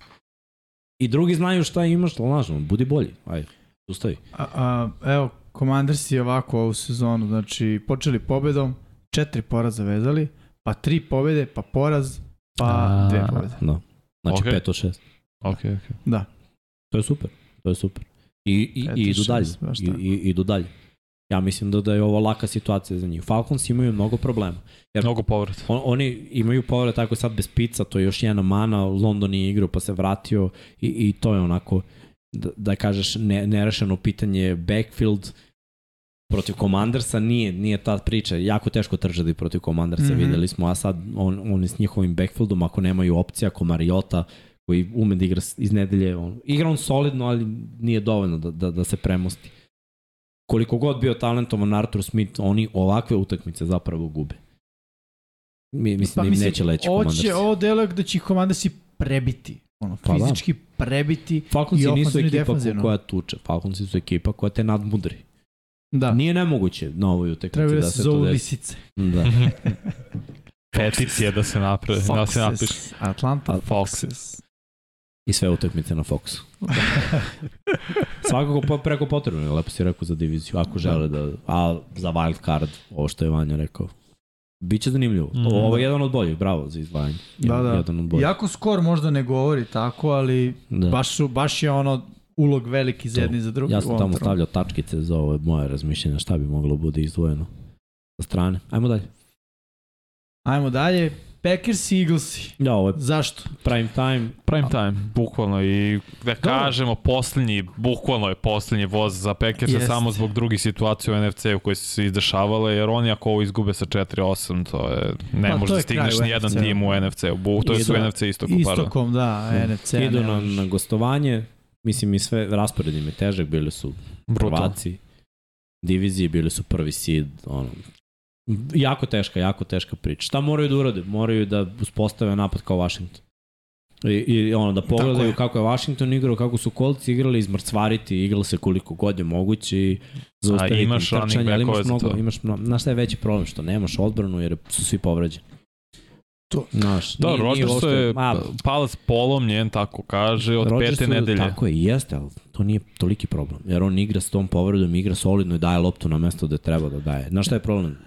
Kad igraš bez dva startna linebackera i, i očekuješ od Rukija da ispuni ono, cipele All Pro Quay linebackera, Walker, da. koji, ok, videlo se, vidi se napredak, a, ali ne može to da se desi Fizički predispozicije su tu. Stvarno jesu, ali to što kažeš, ne Online može. Packersa, D-line file. D-line? D-line Packersa, online file. Tu se rešava ova utakmica. Bukvalno ne moramo gledamo dalje. Da, da. tu Fila ima veliku prednost. Prednost. Još igraju kod kuće, još mislim da su nakon ove dve loše utakmice željni da, da pokažu nešto. Još je prime time. Svi gledaju. Znači, igra se u Fili, doći će košarkaši, doći će bejsbol i hokej igrači, atmosfera će biti luda i ja se sećam posljednju prime time utakmicu koju sam radio u Fili, bilo je drugačije. Da, I- ali znaš šta je sad glavno pitanje? Oni su skapirali gde da napadnu Cowboys i napali su ih, pričam do Packersima. Gde da napadnu Eagles defanzivno. Trčanje kroz sredinu, ja bih išao na tu kartu, iskreno. Zato što kroz sredinu fila jeste bila tanka. Sad, ok, vraća se Jordan Davis, a, tu je Su, ali ono, nisu igrani još uvek. Mislim, Su je plaćenik, realno. Su, i Su je sad namirisao potencijalni Super Bowl i otišao je u ekipu gde misli da to može da se Što je okej. Da, što je okej, da, ali ne, to nije garant performans, realno. Naravno. E sad, da li, da li, su, da li su Packersi toliko sazreli da odigraju utakmicu ono, kao protiv Dallasa u Pa- smislu da stave po strani uh, ono što su nekada imali, a to je Rodgers i magija koju možda napravi, a da se okrenu onome što danas imaju, a to je one-two punch na poziciji running back. Nadam se da su, ako je Mike McCarthy sazreo dovoljno da to radi sa Dallasom i sa realno možda i slabijom kombinacijom Pollard i Zeke, malo slabijom, ja ne vidim razlog zašto Matt LaFleur, koji smo svi hvalili kao ofenzivnog genijalca, što i jeste, jer je stvarno napredio napad Packersa od kad je Mike McCarthy otišao, on preuzeo. Čemu je problem? Dallas ima slabije corner, cornerbackove i secondary od File. File ima safety sa najviše interseptiona i dva cornera koji igraju jako dobro. Mladi hvatački korpus. Teška priča. Da, ali Opet, opet s druge strane, gde su igrali protiv Cowboysa, kod kuće, idu na gostovanje, nije isto. AJ Brown neće igrati. Stvarno? Ja mislim da neće igrati. Da je Devonta Smith opcija broj 1. Ok, Je ovo drugi meč da propušta? tesni, tesni meč, ali opet sa front seven koji imaju Packersi trenutno sa svim njihovim povredama koji imaju tu i, i to je veliki I na problem. njima može dosta se trči. Pre svega Znaš. Hurts i Sanders, to će biti baš problem. Ali, pazi, ja sad ne znam, kapiram me opet kod gripa da je palac. Jeste, ali znaš, on igra, je sa sličnom malo težom povredom nije igrao. nije, ali Rodgers igra 7 tek, skoro. Igra, otpala mu malo igra, od tih prvih pop 3 gde je bilo 2 Nije 1 to 3 rešilo utakmice, brate. Opet ima dodavanje u ruke koje ne znaju da hvataju. Ne, jeste, imaju neko, protiv Tennessee, recimo, se videlo nekim dodavanjem da je bio kratak, da je bio neprecizan, nekarakteristično za njega. Naravno, to ovo nije izgovor što on igraju loše, da se razumemo, i Rodgers i igra loše nego u prethodne dve godine kad je bio MVP, to je očigledno, iz više faktora, nego ono, ne može da pomogne to što imaš mini frakturu ili šta već sa palcem. Ne može da pomogne, ali znaš šta, nije to najveći problem Packers. Mm. Verujem, ima pet drugih problema. Proverio se sad AJ Brown. Je, trenirao je danas. Trenirao je danas clear to play, ali on je rekao da si daj ne osjeća u Pa, potpunosti ej, spreman da petak- igra, ali je clear to play. Ono, Petak može da i to je- to je Sunday Eto, night. ali vidite. Znači ima cel večeras, pa cela subota, Pa pa, ima, to je cela klikanje nedelja. realno nekim džavolima da im mogu da igra, mislim, ako se on ne osjeća dobro. Pa, Ali dobro, okej, mislim, ako ništa, ono, i Dikoj, videli smo da i to radi posao kad Pa se da. double teamuje. Ono. Protiv Aštona nisi nije radio posao, su pobedili, ali otvorilo je prostor. bilo drugi. je tu negde, mislim, odbrana nije uradila posao više protiv Washington. A dobro, gubili su i loptu napad, Da. to je bilo, Quest Watkins. Ovde, ovde mora da se promeni nešto, bravo. da. Drugi igrači moraju da step up. Opet ako hoćeš da osvojiš Super World.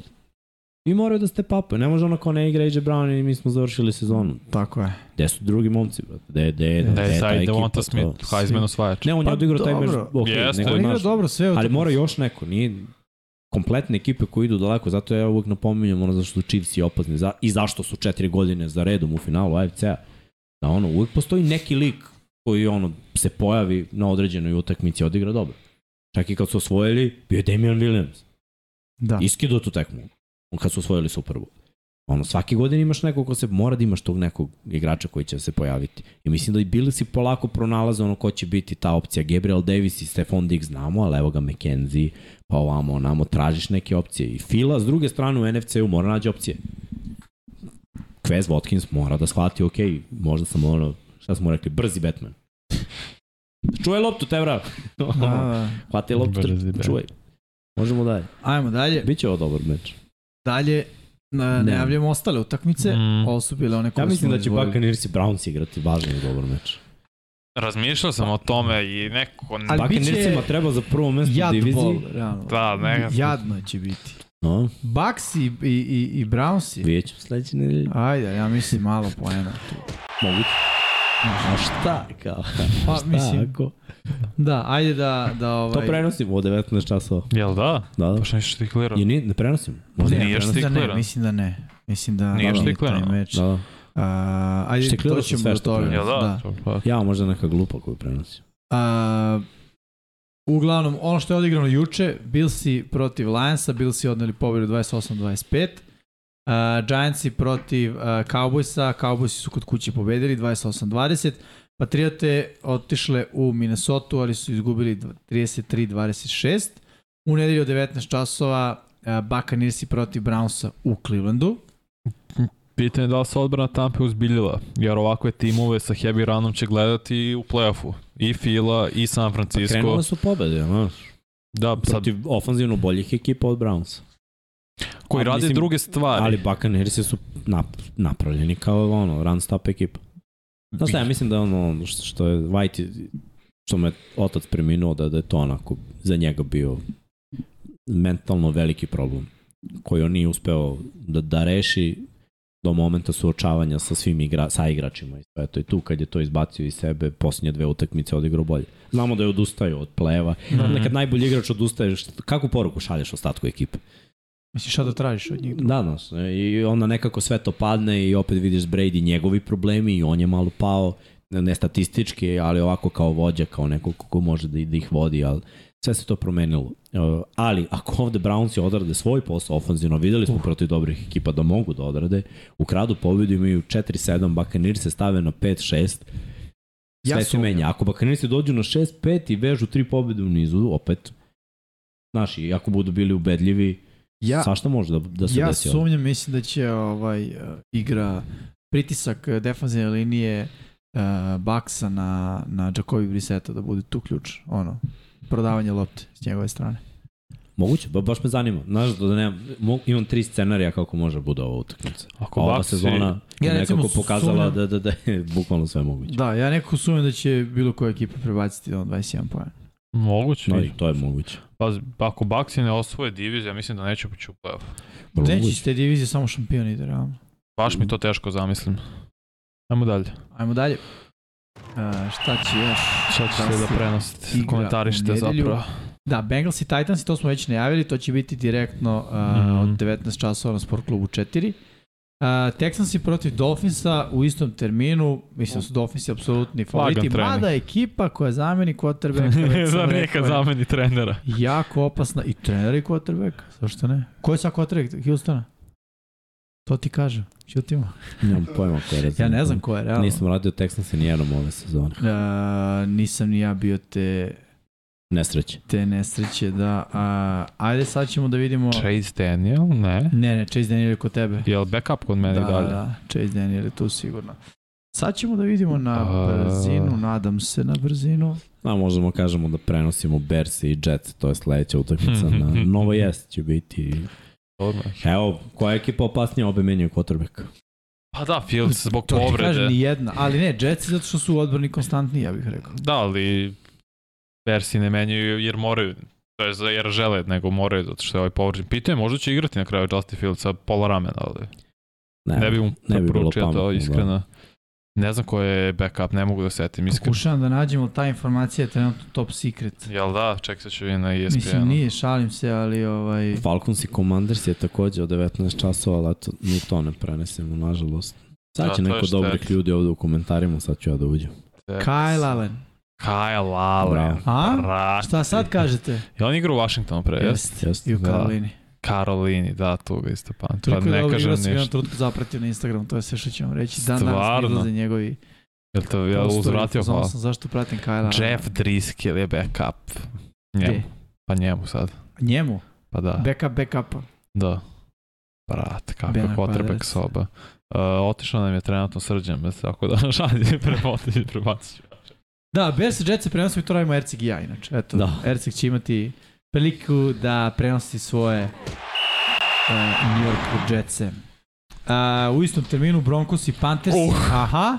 Šta ćemo sad? Brate, verujem iskreno Znači, ali pre... kako Broncos se hoće ove grozne utakmice? Pa su bili poslednji u, u diviziji prošle godine. A znam, ali grozne utakmice. On 3-7 prošle nedelje protiv 3-7, sad 3-7 protiv 3-8. Brate, znaš kako... Baš su ono...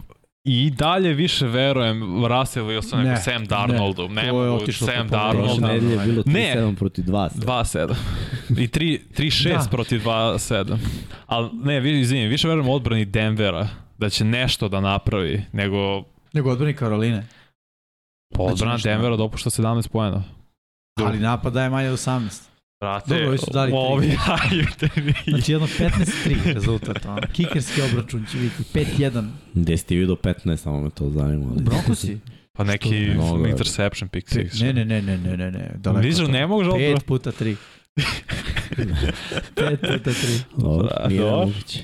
Ravens i Jaguarsi. E, to će biti zeznuta miksa isto, samo da ti kažem. Biće, biće, ali znaš šta, ovo- Samo ti kažem. kako neće. Sam za čak mislim... Jacksonville, je, Jacksonville si je ekipa koja ono ne pobeđuje, ali može da iznenadi. A Ravensima fali power back.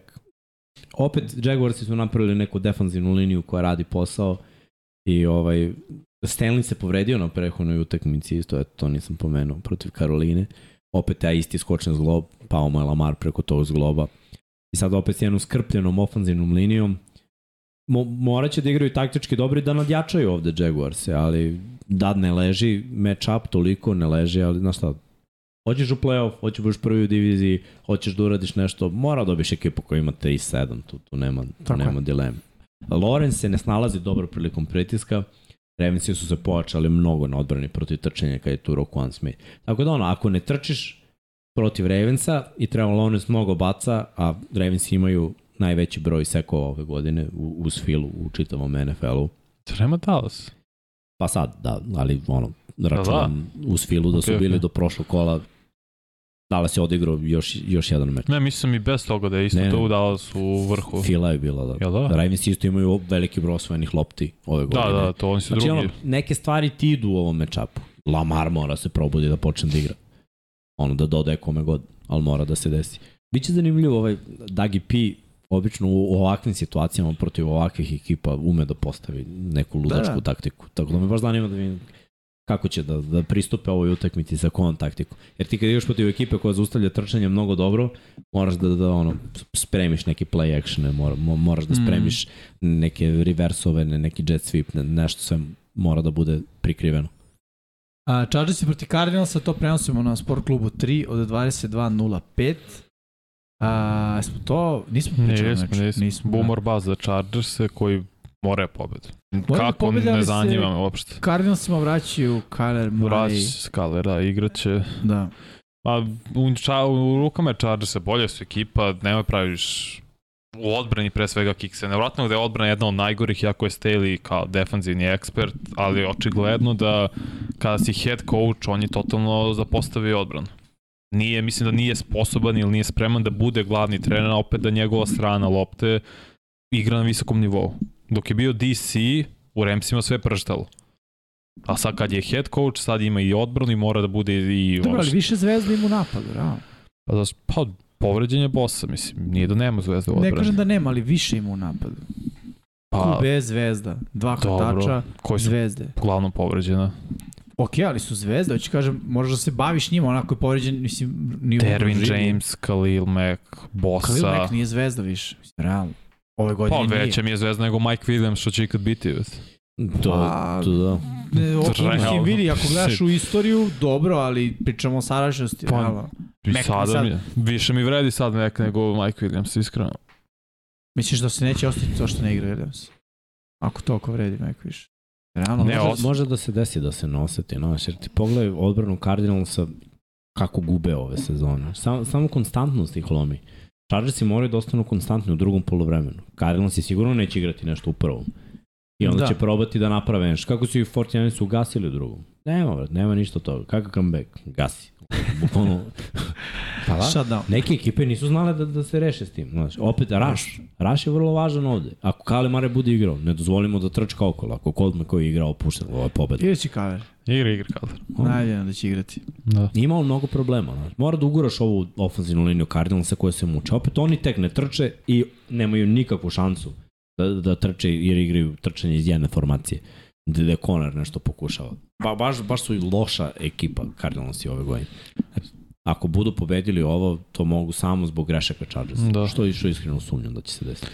Seahawks i Raidersi, pazi, ozbiljna prilika za Seahawks da održe tempo sa 49ersima za to prvo mesto, poziciju. Igraš kod kuće, fanovi su tu, ono, podržaju su ekipu maksimalno, igraš neku igru koja Raidersima ne odgovara, pre svega trčanje sa Kenneth Walkerom, a možda igraš i dodavanjem, je odbrana Raidersa je bušna sada, da li si ti sposoban da ostaviš Davante Adamsa i koliko će on imati yardi, ja mislim da će imati sigurno 100. Vidjet ćemo. Pa da, znaš. Duel Da. napada, pre svega, koja odbrana će moći da zaustavi jednom protivnički napad, mislim da će to da odluči. Seahawks imaju bolje odbranu od Raidersa i bolje pojedince u odbrani od Raidersa. To, to im je prednost. I taj Mhm. domaći teren.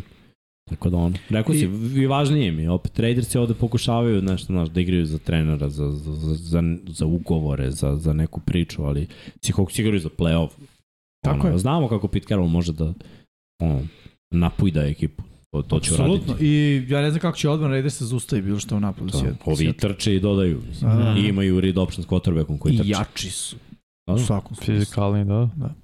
Okej. I poslednje, mislim da svi igraju ovo kolo. E, Da. jel? Svi igraju ovo Da, kolo? da, svi igraju Svi u igraju. kolo i neki timovi još nisu bili na baju, baš kao, kao ovi Cardinalsi, kao Packersi koji imaju ovo 12 Možda je ovo utakmica. special zbog uh, Thanksgiving. Thanksgivinga, Da. da. A, uglavnom, Ramsey proti Chiefsa, nedelja od 22-25, Sport Klub 2, takođe radimo ja i Erceg. Ovo bi pre 3, 4, 3 godine bio meč Jajan. Pa i prošle godine bi bio dobar Pa, meč. slažem se, da. Da. Ali ove godine, znaš, sa svim povredama, sa svime što se izdešavalo. Perkins će da startuje Da. Arrowhead, Da, je. za Rams. Arrowhead i, i Chiefsi koji brane trčanje dobro, tako da Ramsi moraju da dodaju. Chiefsi su se mnogo popravili Da. da. odbrani protiv trčanja.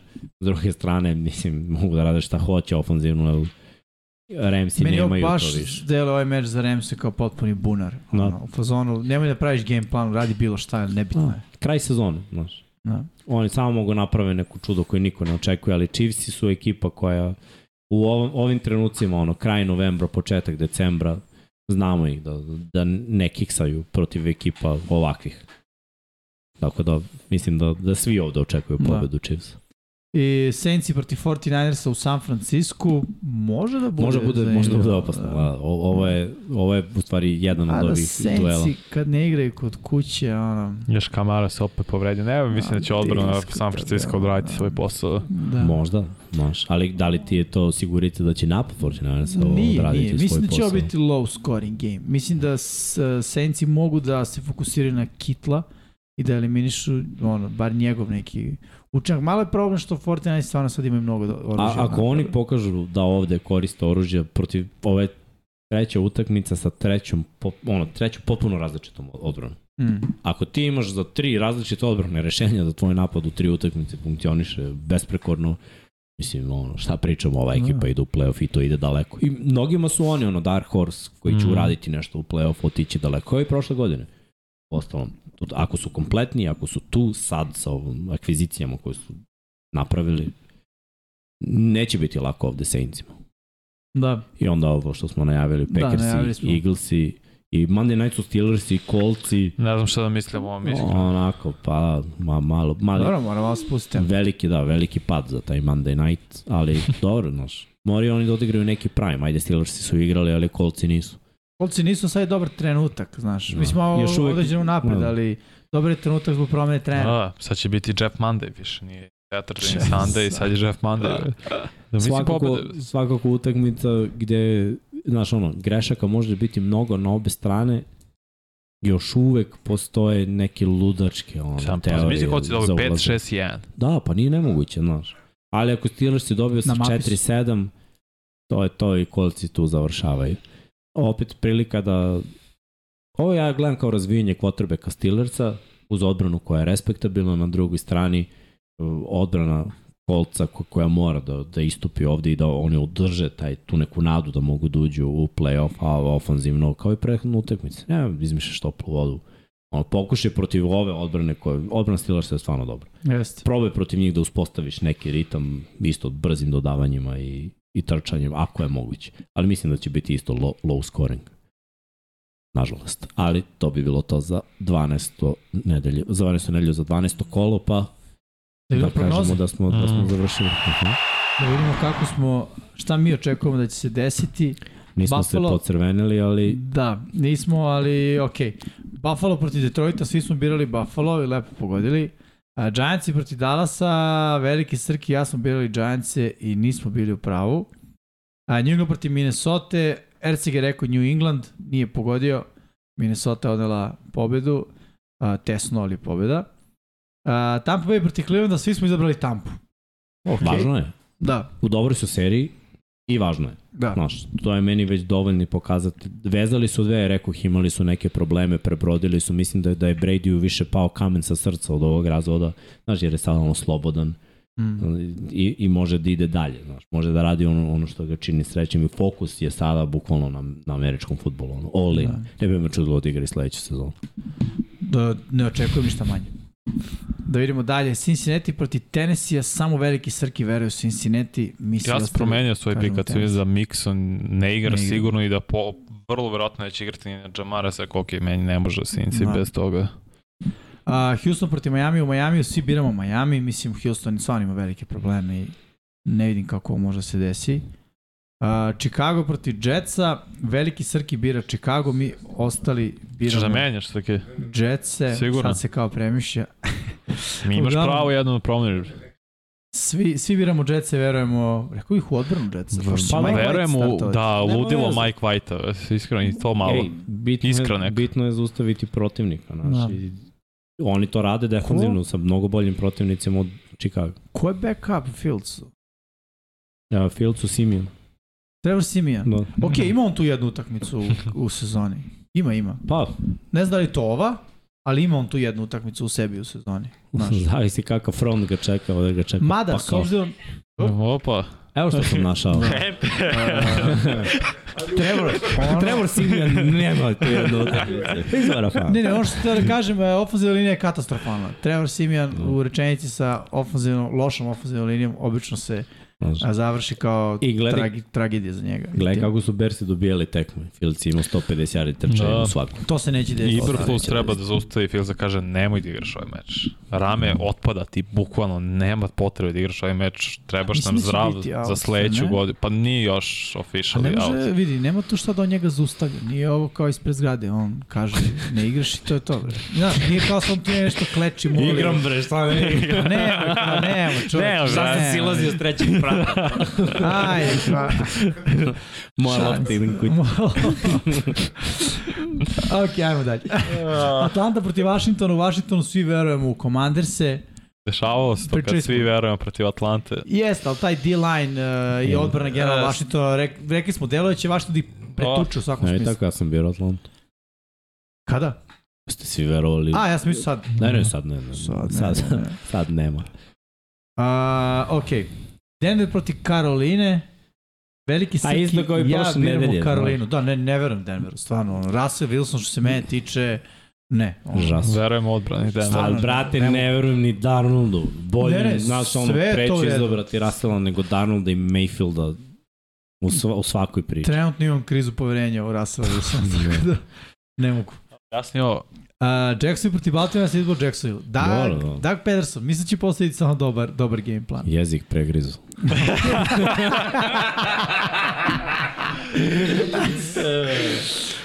Da nastavim zašto je... Pa ako ti je život mio. Ajde, ti Šalim čujem. se, ne, rekli smo već. Nije Da. ovo, nije ovo uopšte lako. Mislim, ako su se protiv Karoline mučili. Mislim, Ravensi. Baltimore definitivno ono, već godinama muči muku sa zdravim backfieldom.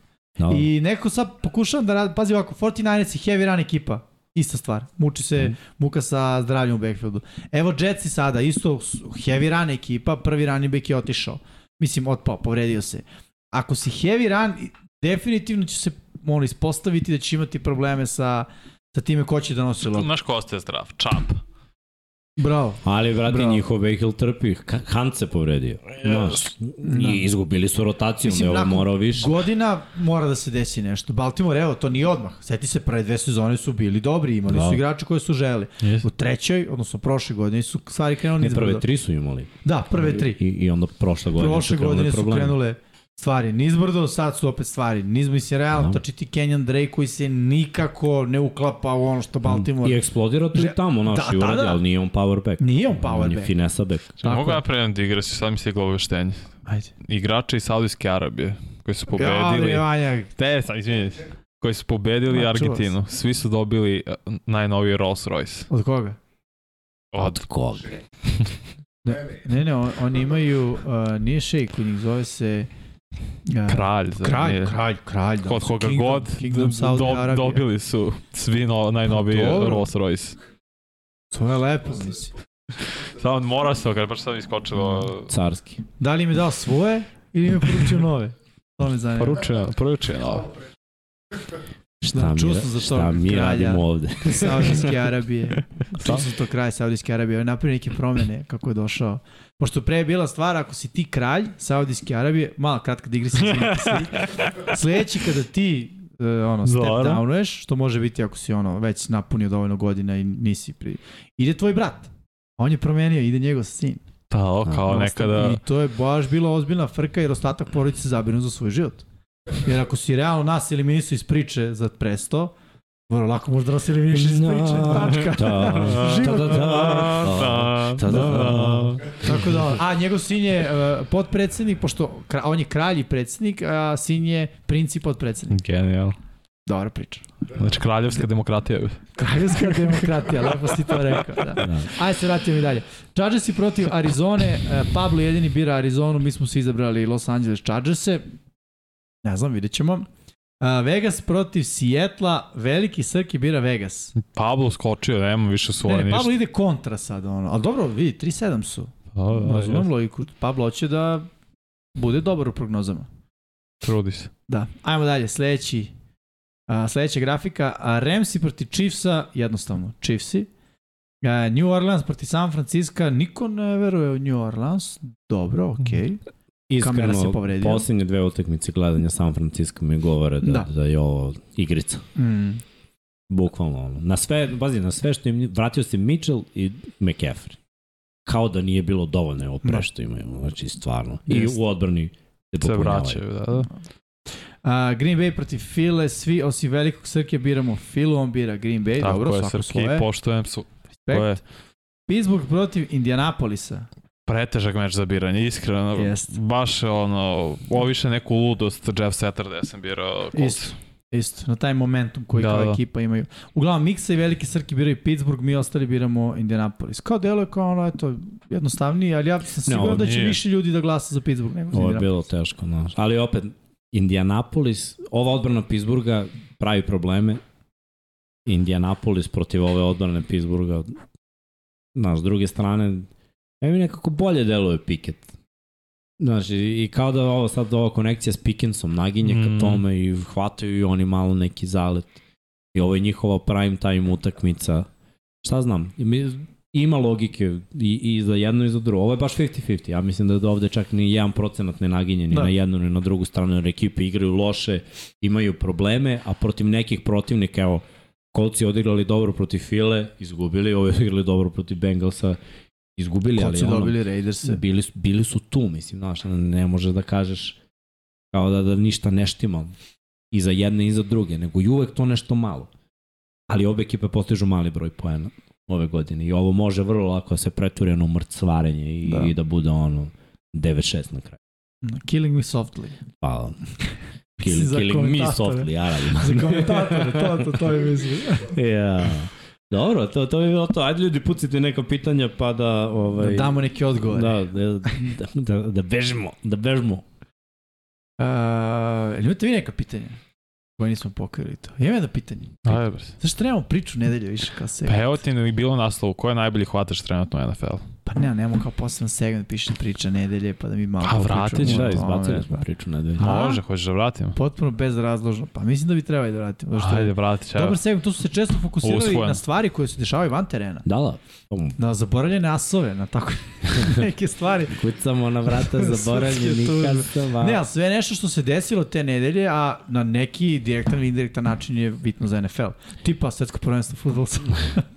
Može, može, vratit Nećemo ćemo. sad pričamo Ne sad, nego vratit ćemo priču Šta mi znamo o fudbalu, realno?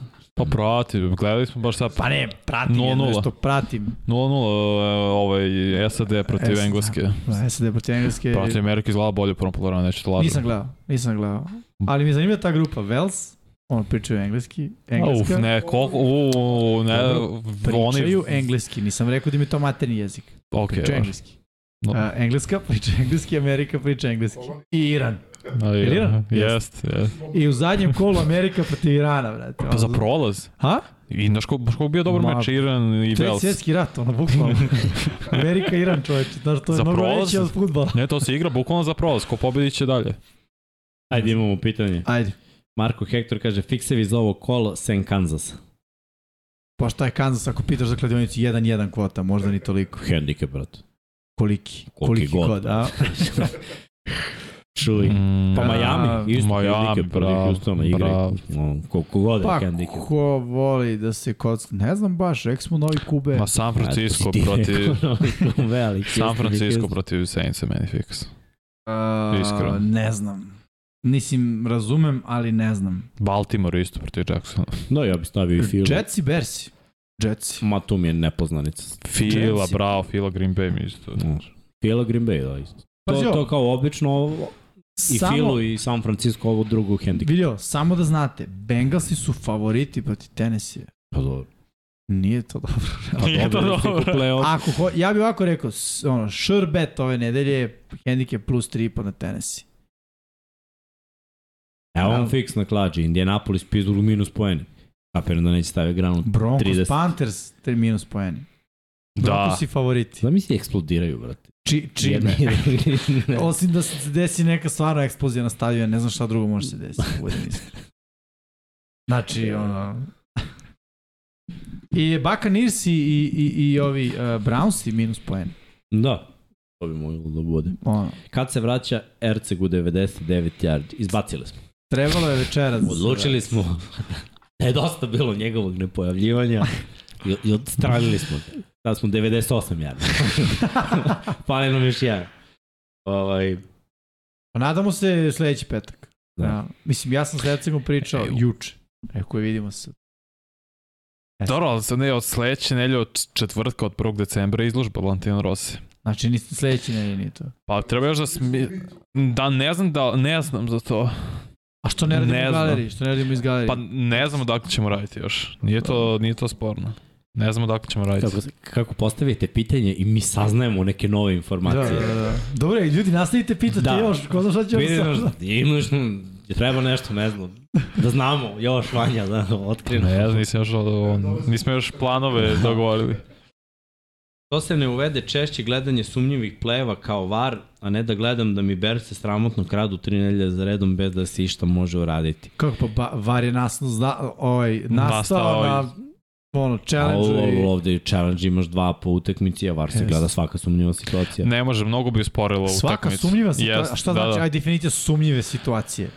Pa evo ovako, Ne, ne, Evo, pa evo danas, evo danas primer i opet challenge hu- nije podložan, uh, ovaj bre, Pace Interference nije podložan challenge-u. Pa znam, Treba ga ali, nekad pregledati.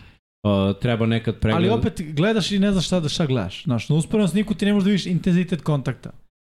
Kao recimo što možeš u futbolu i taj var. Može da ti, znaš, ti možeš da vidiš da li noga prudarila nogu ili loptu. Ma, A ovde moja ruka koja radi ovo, ne znači da, da je bila mekana. E, Znaš, može samo znači da sam...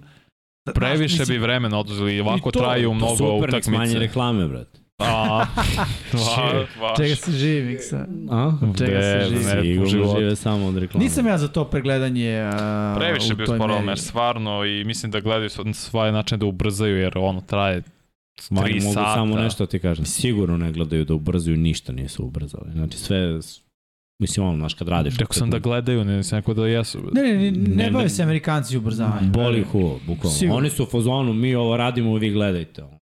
Plasirat ćemo vam Da, da. osiguranje, lekove, kola i hrana. Ja čak mislim da bi oni volili da se to više gleda. Iz as, sa aspekta show business. To je još jedna ono, pozicija za nekog Gina Steratore koji će tu da... Znaš, oni sada u, re, u standardnoj postavci, ja mislim na CBS-u imaju sudijskog uh, stručnjaka. Imaju, imaju, pa da. Tipa Gene Svi imaju i. Fox. Svako, svako ima, svaka svaka televizija ima po ima. jednog. Da. Znaš, to je još jedno radno mesto, još jedna usta da se hrane. Manja inflacija i Amerikanci mogu žive svoj American Dream, realno.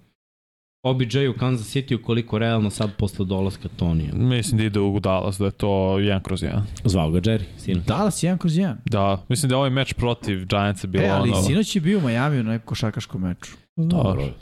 Uživa dečko, putuje, ono. uživa u životu. Da. A pazi koliko je pametan. Samo to, brate. Koje on ekipe bira. Kansas City i Bill se je stavio čisto ono kao jer su favoriti da se uzme Super Bowl, ali svi ostali su ono medijski gradovi sa naj, najvećom izloženošću gde on može da uzme kintu od gostovanja po emisijama. Dallas, American Team, New York, ona svaka tri koraka neka emisija, preko prošle godine LA, Hollywood. Jel, bojim se ko ode u Giants će biti kao Ronaldo. Ne, verujem, ne, otići u Dallas, mislim da je stvoren za to. on. Bukvalno, Bro, već mogu ga da. zamisliti im sa zvezdom na kasigi. Sa zvezdom gde hoćeš. Da. Uh, kruži internetom neka slika jednog fana Jetsa koji je radio coin flip prediction za sezonu i došao do A, 11 da. i 6 u finalu konferencije. Šta vi mislite dokle mogu u play-offu bez pouzdanog QB-a? Pa mislim Jetsi? da ne mogu daleko. Pitanje Dokle je mogu u play-offu. Pitanje je play-off. Jeste pitanje play-off. Jer vidi, ovo sad je dosta uzdrmalo uh, ekipu. Mm. Jako možda ne deluje. Ali kako god da je priča sa Mike Whiteom, znaš, ti imaš momka, opet se vraćam, Zach Wilson ima 5-2 kao starter. To je dobro. Uh, Joe Flacco je odradio taj početni posao, ali čim on sad nije u priči da bude QB broj 1, nego Mike White, to znači da Joe Flacco nije tamo gde treba da bude. A, I ovo će da uzdrma ekipu. Definitivno. Ti kvotrbeka broj 1, koji je de facto njihov najbolji kvotrbek, benchuješ zbog stvari koje radi van terena, to mora Ma da i ne igra dobro. I ne igra dobro, okej, ali to mora da se odrazi na ekipu. Šta je plan? Kao ove nedelje si benchom, sledeće te vraćamo. Šta će ekipa da kaže, mislim- "E, zaboravili smo? Neće. Znaš, Pa neće ga vratiti. s Ovim, u, u, u, mislim, pokrenula se lavina, ali se proizvelo nešto što se sad zove kada vraćaš uh, Zeka Wilsona nazad. Ne I vraćaš. Šta treba on da uradi? Pošto kao, šta ćeš da ga vratiš da igra, igrači mu ne veruju, sa igrači mu ne veruju i ono, Znaš šta treba Imaju se stav prema desi? njemu. Da Mike White igra toliko loše i da ga benčuje na polovremenu i da Zach Wilson uđe i da on pobedi taj meč. Da bi on vratio neko poverenje u tim. pa, mislim, možda, To, mislim, ali ti bi- sad prepričavaš ono, hollywoodski Pa blockbuster. jeste, pa da. Ne, ne, ne. Televisa present. Ne, ovo je Broadway, ovo je New York. Dobro. A džabe što je New York, brate. Bukvalno je španska serija. Uh, da vidimo. Kaže Filip Stajković, mislim da Arizoni i Ramsima predstoje teške godine. Ko mislite da ima goru budućnost? Ramsey. Goru, da, Ramsey zato Ali ja što mislim da Arizona ima goru jer nemaju rešeno pitanje trenera. On bar znaš jednu stvar koju imaš. Ok, Ali ako gledamo pikove, A pazi, Može dođe trener koji će da iskoristi Kalera Marea. Znaš, može. I celu tu priču što oni imaju. Mislim, šta se meni nisi kod Kingsbury? Kingsbury je, ne znam zašto, ali kao da igra Medena. On imao se jednog drugara koji je to radio. On je imao želju da napravi najtežu ekipu u, u Medenu. I napravi. U kom smislu najtež? Po kilaži. A, Na svakoj bukvalno, poziciji da. njegov igrač bude najteži. Kom bio quarterback? Pa, nemam pojma, to je bilo 2011. Big Ben. Ne znam ko je bio. Ali nije ni bitno. Meni se čini da Kingsbury pravi najnižu ekipu. Mi smo svi Kaler Mari. Ono, Kaler Mari za sve, svi za Kaler Marija. Bukvalno, pogledaj, pogledaj hvatača koji on birao. Niko nema preko 5-9. Dobro, DeAndre Hopkins je 6-2. Pa njega nije birao, njega je... Jander Hopkins je 6-0. brate. 6-0. Ali njega nije ni Da. birao. Dobro, linebacker je birao o- Ma, ogrom. pusti odbranu. Pričamo o Kingsbury, znači pričamo o napadu. Ne, stvarno, pričamo o napadu. Running backovi isto. Kenyan Drake. Realno. Ono, Lego Power, brate. Kao Lego Čikica, brate. Svi su takvi, brate.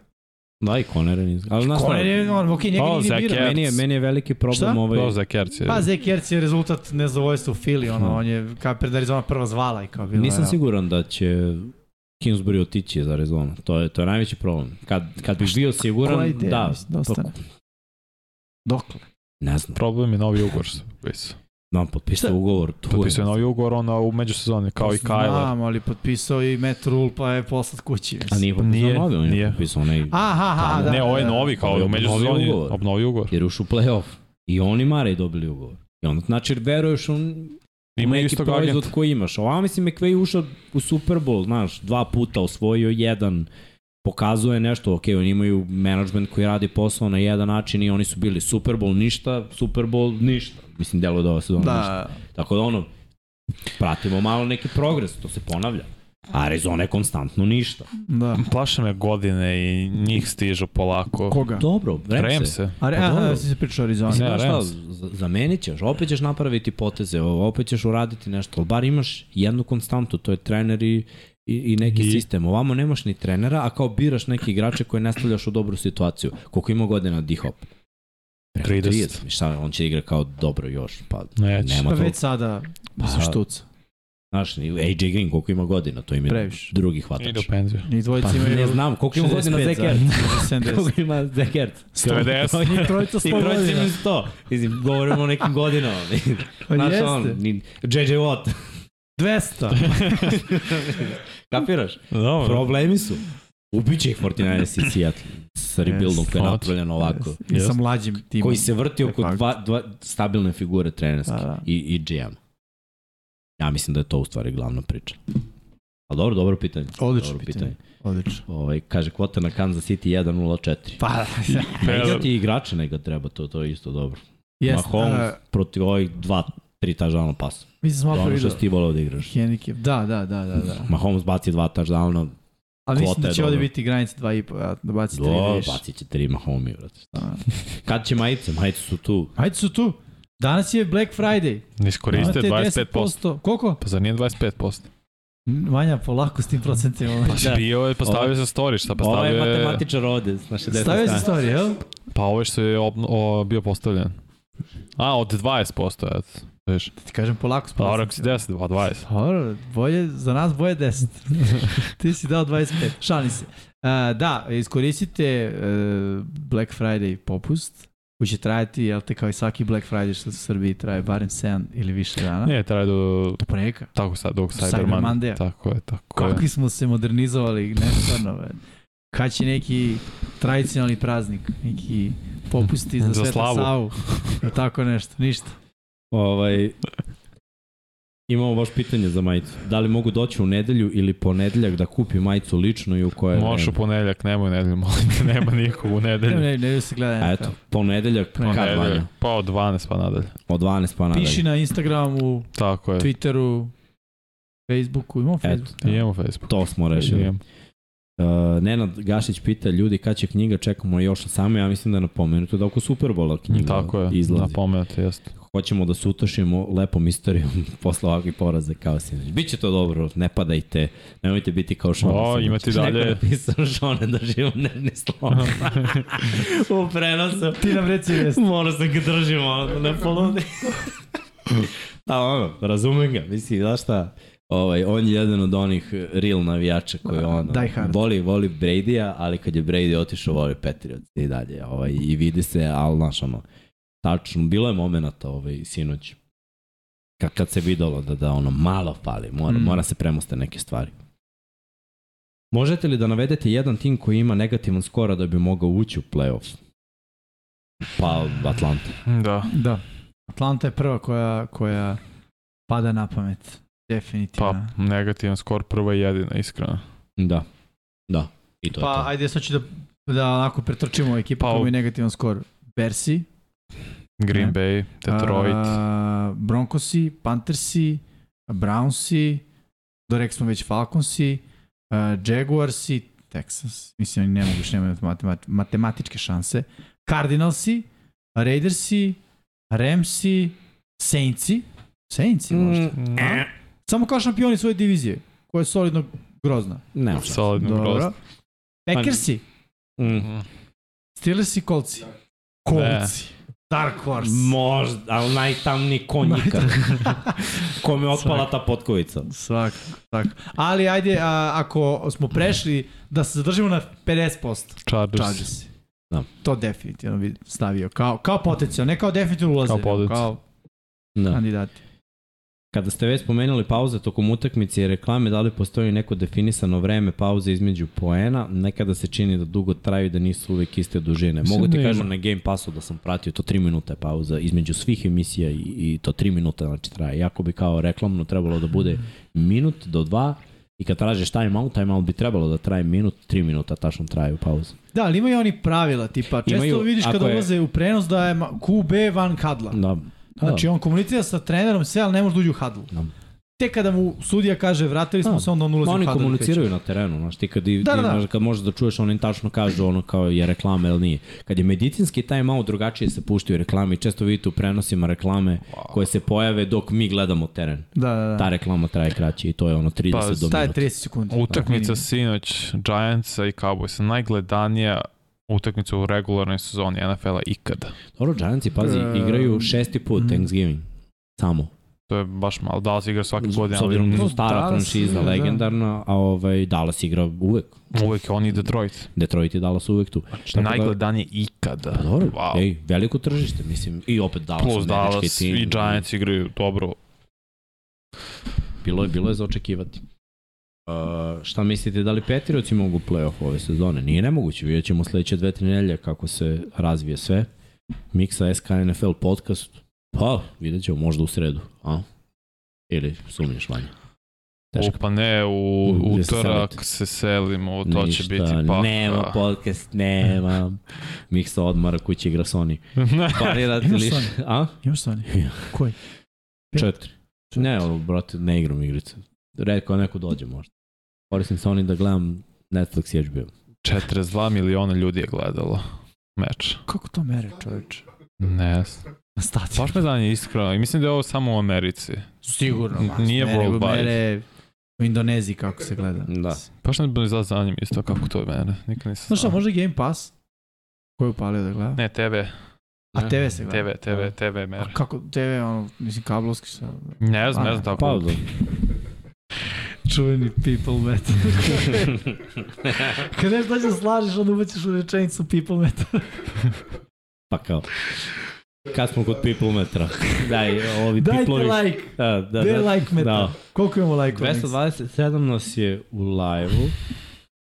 118 lajkova, slabo, a zvao sam vas na lajkova. Ajde ljudi, udarite Ni, like. nismo dali, nismo dali koliko smo mogli, da. ali bit će ovaj, bit će ovaj sledeće. Svakako, nastavite da pratite, pišite u komentarima i prethodne nedelje sam vidio da je bilo do, dosta ovaj pitanja i, i dosta ovaj priče, tako da, da nastavimo mi da komuniciramo i da sve ovo bude jedno mesto gde govorimo i pišemo o lepim stvarima, o američkom futbolu. Mi smo jedna zajednica koja mora da opstane da bude još jača. Nastavite da nas podržavate na sve moguće načine na koje nas već podržavate. Vanja je već rekao za sledeću nedelju.